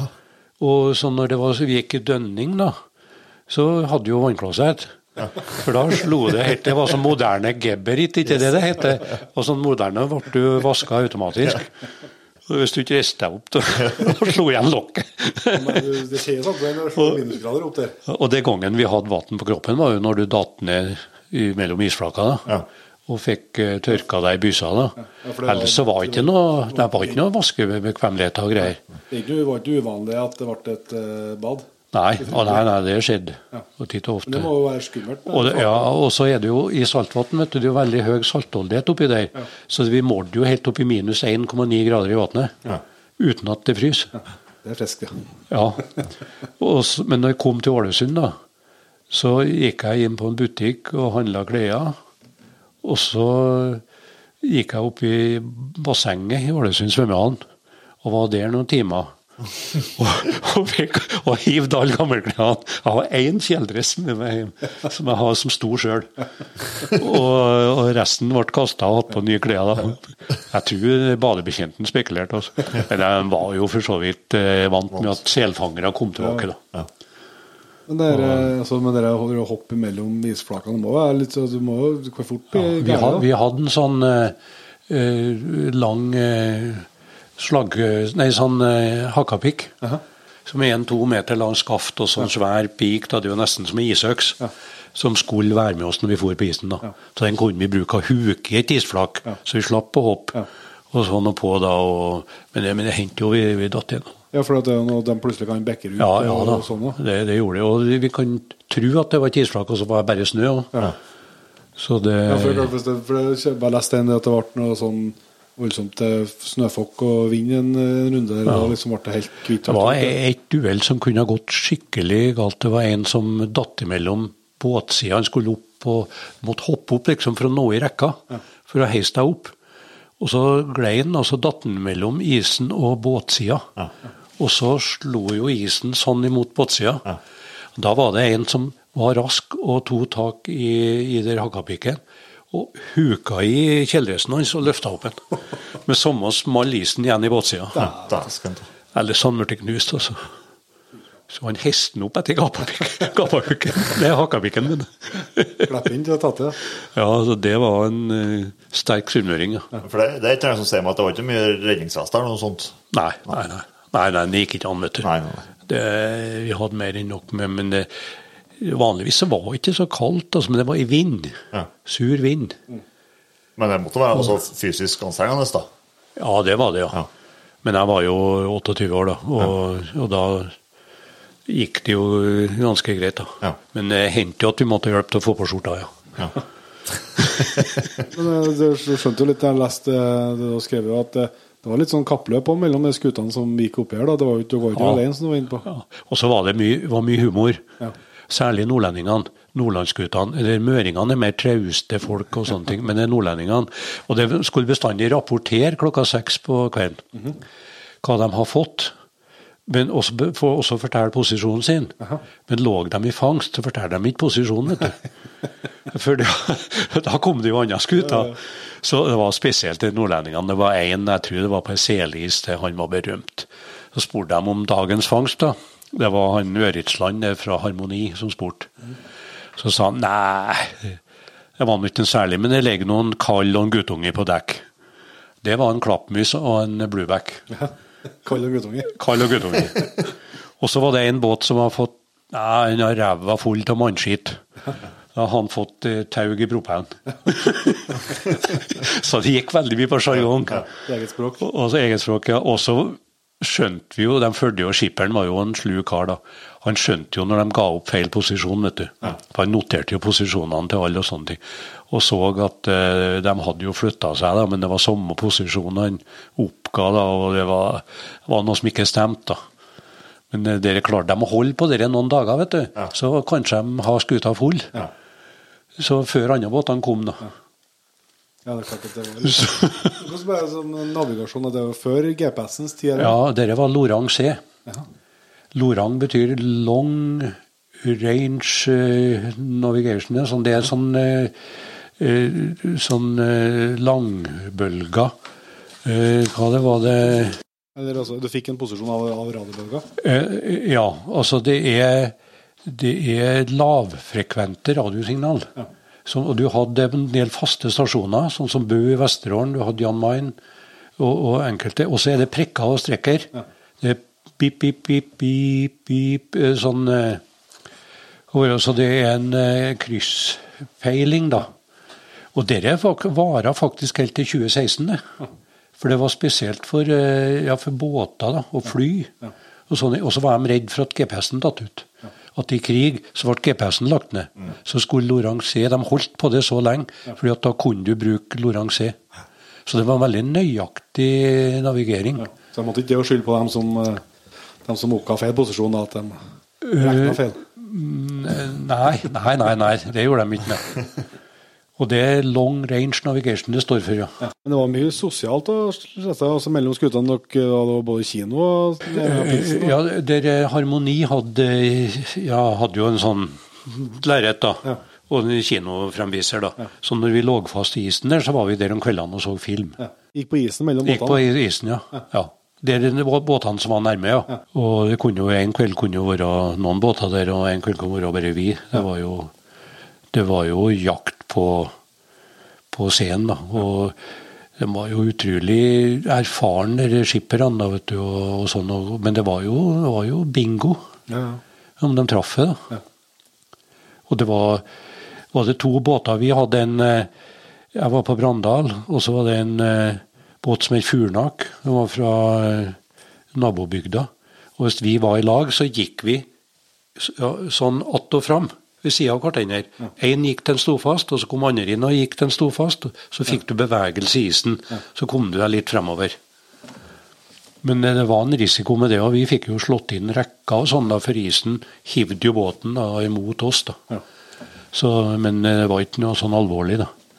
Men eh, det, det var jo ikke så enkelt å komme fram, da. De beste fangstplassene var såkalte strimler. Ved strømmen og vind laga en strimmel i isen ut i åpent hav. Så det ble eh, avstand mellom isflaka. Så en sånn strimmer som eh, la seg ut i åpent hav. Da kom du lett og fort fram og sånn. Og der lå ofte selen òg, for da var det lett for han å dykke. Selen lever jo av noe som heter polartorsk. Det er jo en egen sånn liten torskeart Ja. som lever på under isen. da. Det er jo flere tusen meter dypt der, men uh, den lever jo opp i isen og under isen. da. Sånn at uh, det var jo hvor den fantes og sånn òg, da. Var det, men var det lenge dere var ute? Sånn? Nei, Vi for jo i mars, og så var vi tilbake i, først på mai. da. Så vi var nesten to måneder, halvannen måned godt over. da. Og jeg husker, jeg husker jo på den tida På de en og en halv måneden, da, 25 000, tror jeg, i, i lott, da. Og det var mye for en student, da. Det ja. Det var mer enn jeg hadde i studielån, da. Ja, og også, også på sent 70-tallet òg. ja, Så det, ja da. jeg skjønner at det kan gå. Så, det, så vi hadde en bra tur, vi, altså. Ja. Og vi var jo eh, sikra en eh, såkalt minstelott, da, Mm. som fiskerne har og sånn. da. Og så var vi veldig spent på når vi seila inn Breisundet. Det er fjorden inn mot Ålesund, da. Mm. Hva heter Breisundet der? Om, eh, hvis vi hadde hatt en dårlig tur, så var det eh, vanlig at skipperen kasta skinnhuva si utom båten i, i sjøen. Så vi sto og kikka på en Bjarte Randal, da. Og vi seila inn Breisundet om skinnhuva for. Vi gjorde ikke det. Så han var fornøyd med turen. og så etter den turen, altså, jeg var i Bergen, da, tok noen eksamener og sånn, og så kom til Steinkjer, så var jeg eh, sommervikar på S-rør. Da var det fem somre da. Og så det begynte jeg på på den sommeren òg. Men eh, jeg har jobba der ei uke, og så ringte Bjarte Brandal og spurte om ikke jeg ville være med en tur til. Han var så fornøyd med meg som var trønder, da, lell, men han har vært veldig skeptisk når jeg kom med fotoapparat. For de trodde jeg var utsendt fra Greenpeace. De gjorde det faktisk. Så det to, jeg måtte være veldig forsiktig når de to bildene. Det gikk lenge før jeg ble akseptert. Om jeg ville være med til en østgrønlandstur og sette ut sånne automatiske værvarslingsstasjoner for eh, grønlandske eh, myndigheter. da. Og så syntes jo det var ekkelt å si opp SØ, og nettopp har begynt å greie, men så forklarte jeg situasjonen. da. Så sa han sjefen du må reise sånn, det, det må du reise sånn. Så for jeg, så var jeg med eh, opp og ned hele Øst-Grønland om sommeren. Det var en fin tur, altså. Ja. Da opplevde vi mye. Så isbjørn og så, så mye dyr og dyreliv og fugleliv. Var med og jakta sammen med eskimoer og fiska. Og, Eh, det var en flott tur, altså. Ja. Sommerferie. Ja. Så da var jeg Så jeg har, eh, jeg har eh, sjøfartsbok. Påmønstra som matros. så jeg er spent på om jeg får noe pensjon. Men altså, den, eh, jeg skjønner jo liksom når du er på isen og liksom det er mange hundre eh, dyr om, på en dag, så, så skjønner jeg at det kanskje ikke minner om jakt, sånn sett, men den her Nei, dere, dere er fangst. Ja, men dere har dra leit, og den Ja, ja, ja, ja. det måtte jo liksom Ja, ja. oppleves litt som, som jakt på et vis, da. Ja, det er det. Ja, ja. Spenningen var der. og... Ja, og bingo. Og som det- Ja, det ja, ja, ja, og det var jo veldig mye leiting, da. Ja. Og, så det å du må ta hensyn til vær og vind og snø og alt. da. Så det, jeg lærte jo veldig mye da, om, eh, om sjøen da, og alt sånne ting. Så det tok jo med meg det òg, da. Og jeg skrev jo en del, da. Skrev jo dagbok. Det var ingen som gjorde. Nei. Og derfor så ble de jo veldig glad på Ishavsmuseet når de fikk der. Og de fikk alle bildene mine. De ligger på Ishavsmuseet fra to Dias. Så det ligger i arkivet på, og de bruker det. ja. Av og til ser jeg i der medlemsbladet. medlemsbladet. Så de fikk det, og de fikk eh, eh, dagboka mi. Og, og så ville de nå at jeg skulle skrive om der eh, Østern-Grønlandsturen om sommeren etter. Ja, for det, det, det, er jo, det er jo ikke um, du, du sa jo at det var litt uh, med Greenpeace og, og full pakke nå, men det, det, er ikke noe, det er ikke noe tradisjon som det Det er ikke mange båter som går fra Norge og til, til Vestisen nå. Nei, det er ingen nå. Nei. Det, det er han Bjørne, Børne Kvernmo da, Ja. fra Alta. Han har en eh, bra fangstbåt, og han var vel ut der tror jeg for to-tre to, år siden. Ja. Det tror jeg var siste turen. Stemmer. Det, Var det gikk en filmserie på TV nå om det. Var det, det var fra den Ja, det var fra han der. Kjente, du deg igjen i den filmen, da? Ja, ja, ja. Det gjorde det. ja. Det kribla jo i kroppen da. Ja. Men det var, ikke det var ikke 28, da, 28 år da? Når den gikk på Nei, nei, men det er jo rart å være med nå. Jeg kunne godt ha vært dagmann Ja. og flådd. Men eh, det er klart at det skjer noe når du har passert 70 år. altså. Okay. Du, du har ikke samme styrken lenger. Nei, det, det er ikke snakk om her. Men jeg syns jeg leste det litt mellom linjene der, der også, at du så jo da muligheten altså at det kunne vært utnytta enda mer av ressursene som ble henta ut. Ja, det, det kunne være, men det var ikke noen frysemuligheter. vet du. Det var det jo på større båter. da. Han Bjørne Kvernmo der på den båten, han hadde jo en, en sånn snurp, ringnotsnurper igjen og sånn, som han brukte på selfangst. Så der har du jo frysekapasitet. Så du kunne jo ha brukt alt. Det var jo enorme mengder med kjøtt som gikk tapt. Mm. så, men det var ikke mulighet for å ta vare på det. nei, nei, nei, du har ikke sjans på det. Det var, var jo så nedlasta. Vi husker på vi hadde med 70 tonn med vann. Ja. For du, du, isen er jo mye saltvanns i, så det, det var ikke enkelt å finne Du kunne finne noen regndammer på isen, sånn, men det var egna seg ikke som drikkevann. Så vi hadde jo med det. Ja. Hadde med vann, sa du? 70 tonn. Ja, dæken ta. Ja, Det gikk jo mye til byssa og ja, ja. syrlig og ja, forskjellige sånne. Ja, vi brukte det litt òg, ferskvann. Og Jeg visste jo aldri hvor lenge de var borte. Vi visste ikke om vi kom hjem den sommeren, om vi kom ut om høsten, eller eh, hvordan det ble. Så det, de hadde jo med for dobbelt så lang tid som de egentlig regna med det skulle være. Det høres ut som et eventyr, det der, ja. Ja da. Men det er jo ganske lenge siden da. Ja. 68 er den, 32, 52 år. Nei, 42. Herregud. Nei, det er akkurat for meg så er det akkurat som det var i går.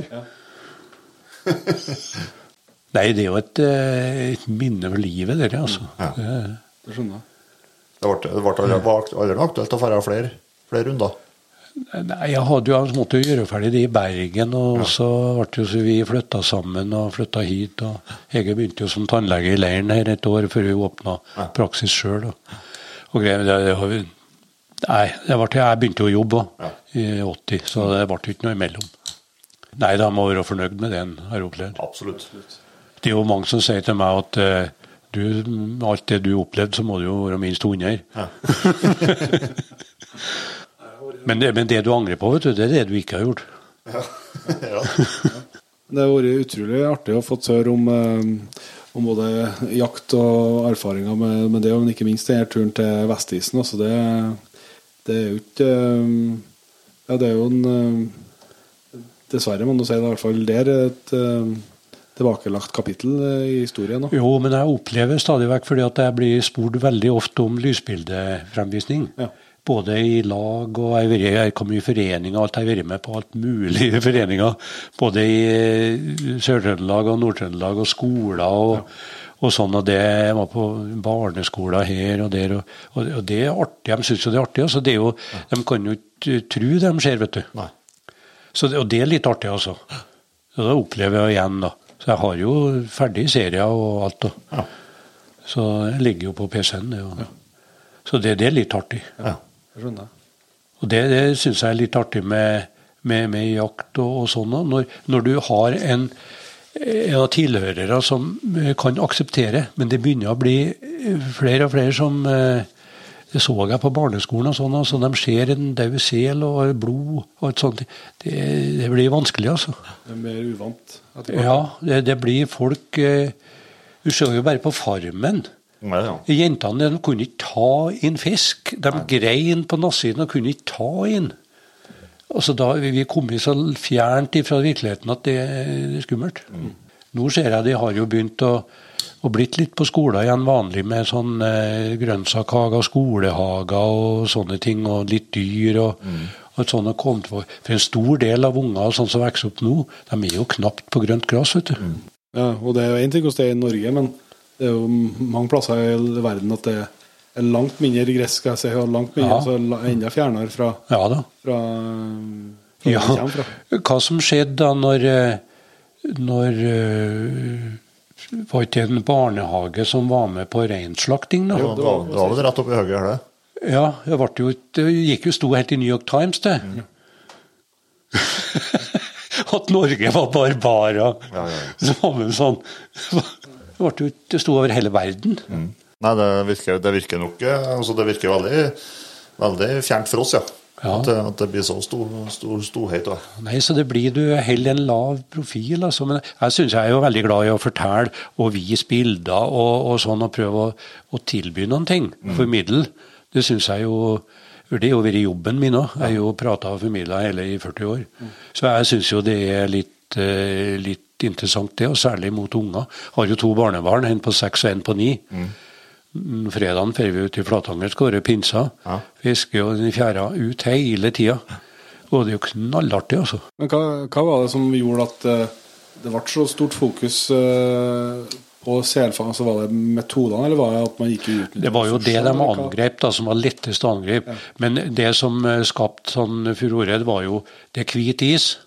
Det er jo, blod er veldig rødt. Selen er et dykkende dyr.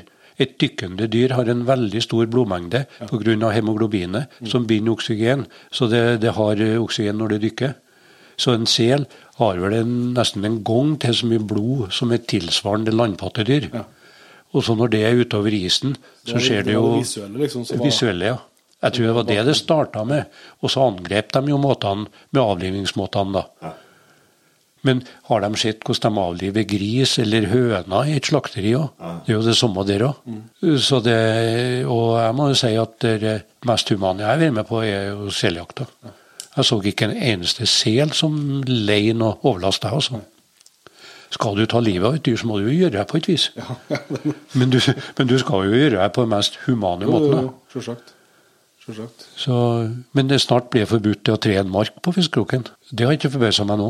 Kjempeinteressant. eh, Arnold. Jeg er jo veldig glad for at vi har fått lov til å komme hjem til deg og, og ta den eh, praten her. Det setter vi stor pris på. Jeg er sikker på at eh, mange av dem som er alle i hop, for den del, de som har hørt på dette, syns, uh, syns var bra. Men vi, klokka går jo, vi begynner å nærme oss to timer, ser jeg, så vi skal etter hvert Ja, men det var veldig artig å møte dere. Ja, Og veldig, ferdig ennå. og, nei, veldig, veldig overraskende, fordi at jeg var litt sånn skeptisk, jeg òg.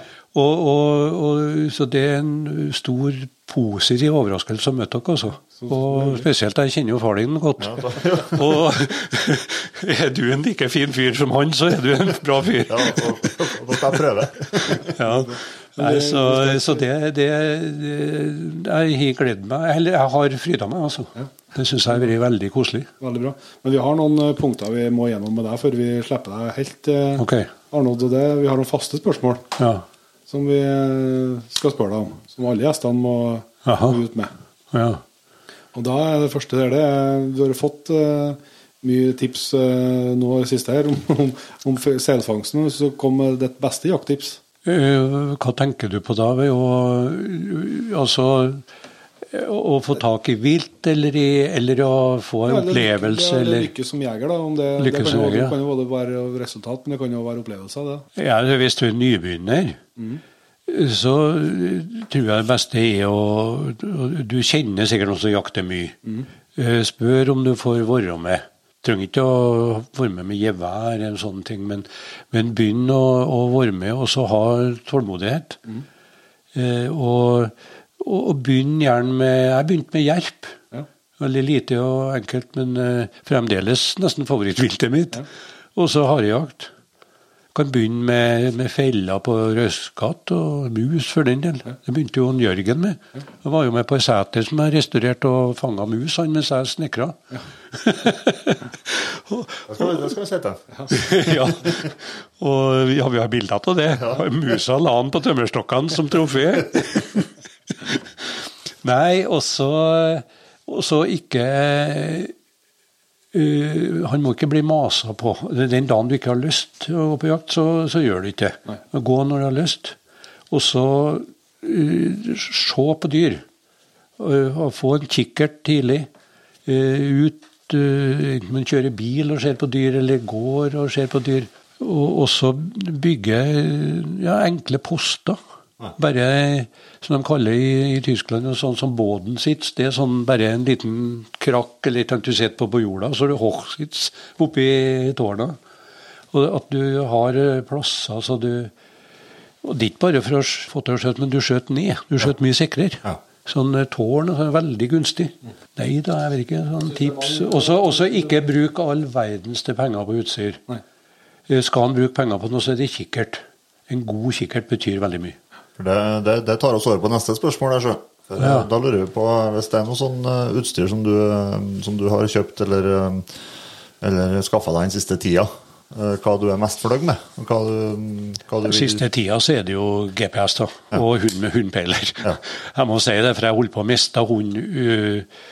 Hadde ikke vært så god sporsnø som det var, så var en hund gikk gjennom isen, back, og det er en drever. Og der hadde han blitt liggende hvis ikke jeg har fulgt sporene Ja. og funnet den. Og Han fikk jo brunket etterpå, jeg fikk jo ikke jakte mer, men den vinteren. Nå har du peiler og vet hele tida hvor hunden er. Og det er en veldig sikkerhet. Ja. Og, og en sikkerhet både for oss og hunden mange ganger. Så det, er det siste jeg har kjøpt. Ja. Også skytestokk. Ja. Ja, aner meg at det kom, ja, kom, ja. ja da. Jeg hadde jo tofot, men jeg har gått over til trefot, og det er fleste på elglaget nå. Ja. Og da eh, fort en som går eh, fort å sette opp, og, og veier litt, men det bør han det, det kan, Jeg bruker den jo som stokk. Ja. Så en god skytestokk, det er noe helt annet. Og så trene med den. Gjerne ta den med på banen og skjøte noen skudd. Altså, det var flere forskjellige varianter av triggerstikken inni garasjen din. Ja, ja, det var det. sjø. Det er veldig bra. Men har du noe Du har, du har jo vært mange plass i verden og, og på Vestisen og hatt opplevelser som, eh, som er å få forunt, skal jeg si. Men har du noen jaktdrøm som du ennå ikke har fått levd ut? Vi snakka om eh, ja, Vi har jo, har jo vært noen, noen turer på Grønland, da. Og sånn jeg og Hege var jo på Grønland her en, en sommer med Hurtigruta. Og vi- Og vi så jo mye moskus og greier. Og vi snakka jo om nå på 70-årsdagen da at uh, vi sammen med guttene da skulle ta oss en tur på Grønland og skjøte moskus. Og, og kanskje rein nå, da. Oppå det. Det har ikke blitt ennå pga. pandemien. da Alt stoppa jo opp. Ja, ja, ja. Men om det blir, da, eh, det får vi se, da. Men jeg kunne godt ønska meg altså, å skutt en fin moskus, da. Eller om ikke jeg har sett det, så i hvert fall ønska at andre har gjort det. Ja, det deler jeg. Det syns jeg virker som en fantastisk Ja, eh, og så er det gemsejakt i Østerrike. Oppe i Øtsdal på 3200 meter. altså oppe i, i, i november, når gemsa brunster. Oppe i, snøen, og det er påskevær og sånne ting. Jørgen var jo ned og skjøt det store da. Men eh, akkurat oppe i områdene der og sånn, så det, det var fin jakt, altså. Ja. Og veldig sosialt, og, og litt sånn høytidsjakt. Der, eh, der eh, flirer jeg meg til deg om du kjøper deg en fin Loden-jakke og en eh, Loden-hatt med fjær. Det vil jeg- tro. Men du har jo fått eh, veldig mye historier fra deg, Arnold, eh, fra både jakt på hjemlige og, og uten bygg, skal jeg si. Men eh, vi runder bestandig av med jakthistorie, der to, vi da, og da håper vi jo at du kanskje hadde eh, tenkt ut ei som vi kan, eh, kan Ja. gå ut med. Ja, nei, jeg har ei eh, historie som var litt artig, da. For eh, jeg likte jo Tergen Søren litt, for han var jo liksom et sånn ikon, jaktikon, og for rundt eh, hele Skandinavia og holdt foredrag og greier. Og drog med store elgevir og bjørnskinn og alt mulig. Og så når vi jakta i lag, så hadde jeg, jeg hadde en del flaks. Kan en jo diskutere om flaks er flaks, eller om det er erfaring. En sånn ting, da. Det er En en kombinasjon, ja. De som har erfaring, har ofte flaks Så. Det er sånn eh, det er som Ja. Anders Arne Skeie bruker å si, de beste har ofte de beste forholdene. Ja, og så erta han søren meg veldig mye med at jeg kom bestandig for seint. Ja. Og, og sånne ting. Og så var på en av turene vi var i Østerrike, så skjøt jeg ei fin gems ganske tidlig på dagen. Og så når jeg gjorde opp den, så la jeg igjen eh, en fin kniv. som Jeg gikk på knivkurs ute på Verdalen. Laga meg en eh, veldig flott kniv. Og, og den for jeg nå med meg, da. og Den var fin til å åpne og ordne og greier. Og så oppdaga jeg at jeg hadde lagt igjen den oppå slaktplassen til Gemsa der. Når vi var ned og spiste og greier, for vi tok pause midt på dagen, og så jakta vi hjort på kvelden. Og så skulle vi ut på kvelden, da. Og delvis så snikjakt, og delvis som posteringsjakt. da. Vi skulle gå hver vår lei, da. Og så var han Søren veldig nøye på at vi skulle møtes klokka ni på en sånn plass. Og det var presis, sa han til meg da. Og skulle jeg være der presis. Og litt før ni da, så gikk en Søren han mot der eh, møteplassen. Men der fant han jo ikke meg, da. Og så satt han der til det var halv ti. Da ble han lei, og så gikk han på en sånn liten sniktur. Så om han så noe gjort, da. Så han ikke kommet langt før det reiste seg en hjort framom ham, som for rett unna når han så en skikkelig bra kron. da. Hos han, da, med perling og greier og sånn. sånn. Og så Han fikk ikke å skjøte, da. Men rett etterpå så fortalte han da braka det et skudd rett framom, og han hørte det traff, sa han òg. Du hører jo ofte at det er lyden i dyret. Jeg hører det veldig godt når jeg skjøter. Og så øh, venta han jo litt, den søren. da. Og, øh, men så gikk han jo ned til møtestedet etter hvert, da, og der satt jo jeg. Så øh, spurte jeg om en søren hadde funnet kniven min, for han skulle gå opp og se om han fant kniven min. Når vi gikk ut der på ettermiddagen. Jo, han har funnet kniven min, men hva skulle med den? Jo, så sa jeg jeg skal vomme ut en hjort. Og, og, så, og, da begynte han å skjønne litt, da. Og så sa jeg det da for høre at eh, det var da flaks at jeg kom for seint, for ellers hadde jeg ikke møtt hjorten. og, og, og Søren han rista bare på hodet og sa litt motvillig, da. Vadmannshall. og jeg tror hun nevnte det i noen bok òg, da. Og, så det, det, var litt artig å få, få tatt den en gang. Hvis han ikke trengte å være så dumt for deg for sein bestandig, nei. Nei, men eh, vi hadde med pelgjakt her, og da var han tålmodig. Og Flakstad lå en, jeg tror han lå en par timer på ei myr, ja. flat som en kunne, og venta på at en okse skulle reise seg opp. men det gjorde han. Det gjorde han. ja. Nei, men Som sagt, eh, Arnold, her har vært veldig veldig trivelig. og Setter stor pris på at du tok imot oss og ville ta en prat med oss. Det, det var kjempeartig. Ja da. Og Hører dere noe om noen, noen som skal ha noen lysbilder sånn om det, som må bare si fra, vet du. Om det er Sanitetsforeninga oppe i Røyrvik, eller om det er Store Optimisten. Det tror jeg var noen jeg holdt foredrag til. og Det var mulig rart. Det var veldig bra. Tusen takk for praten. Takk for praten. Ja, jo, takk nå. Det var altså Arnold Lø, det. Uh, har du vært med oss helt hit, så tror jeg du sier det samme som oss, at dette var en kjempefin prat og veldig interessant. å både betraktninger og historier fra Arnold. Mm, uten tvil. En, eh, en, bra mann. Jeg tror han har mer på hjertet til oss senere en gang. Det tror jeg så gjerne. det er jo, jeg er jo svak for det å prate med folk som har vært ute lenge og holdt på mye, og, og har eh, ikke minst god formidlingsevne og flink til å fortelle historier. Det, det syns jeg rett og slett gjør seg på podkast. Ja. Så eh, det håper jeg du som er med oss òg syns. Men vi skal begynne å gå inn for alvor for landing her. Og da har vi jo en fast tradisjon og takst at vi ønsker nye medlemmer i P3-laget velkommen. Ja. Det har vi heldigvis muligheten til denne uka her, gitt. Så vi sier tusen hjertelig takk til Fredrik Egge. Kent Ruben Mjåseth. Bjørn Ove Evinsen. Torbjørn Oppheim. Nils Homstøl.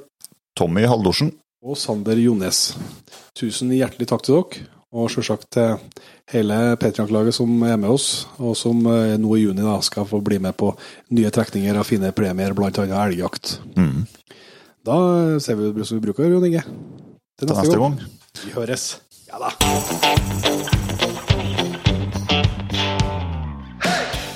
Tusen hjertelig takk for at du valgte å bruke litt av tida di på Jegerpodden.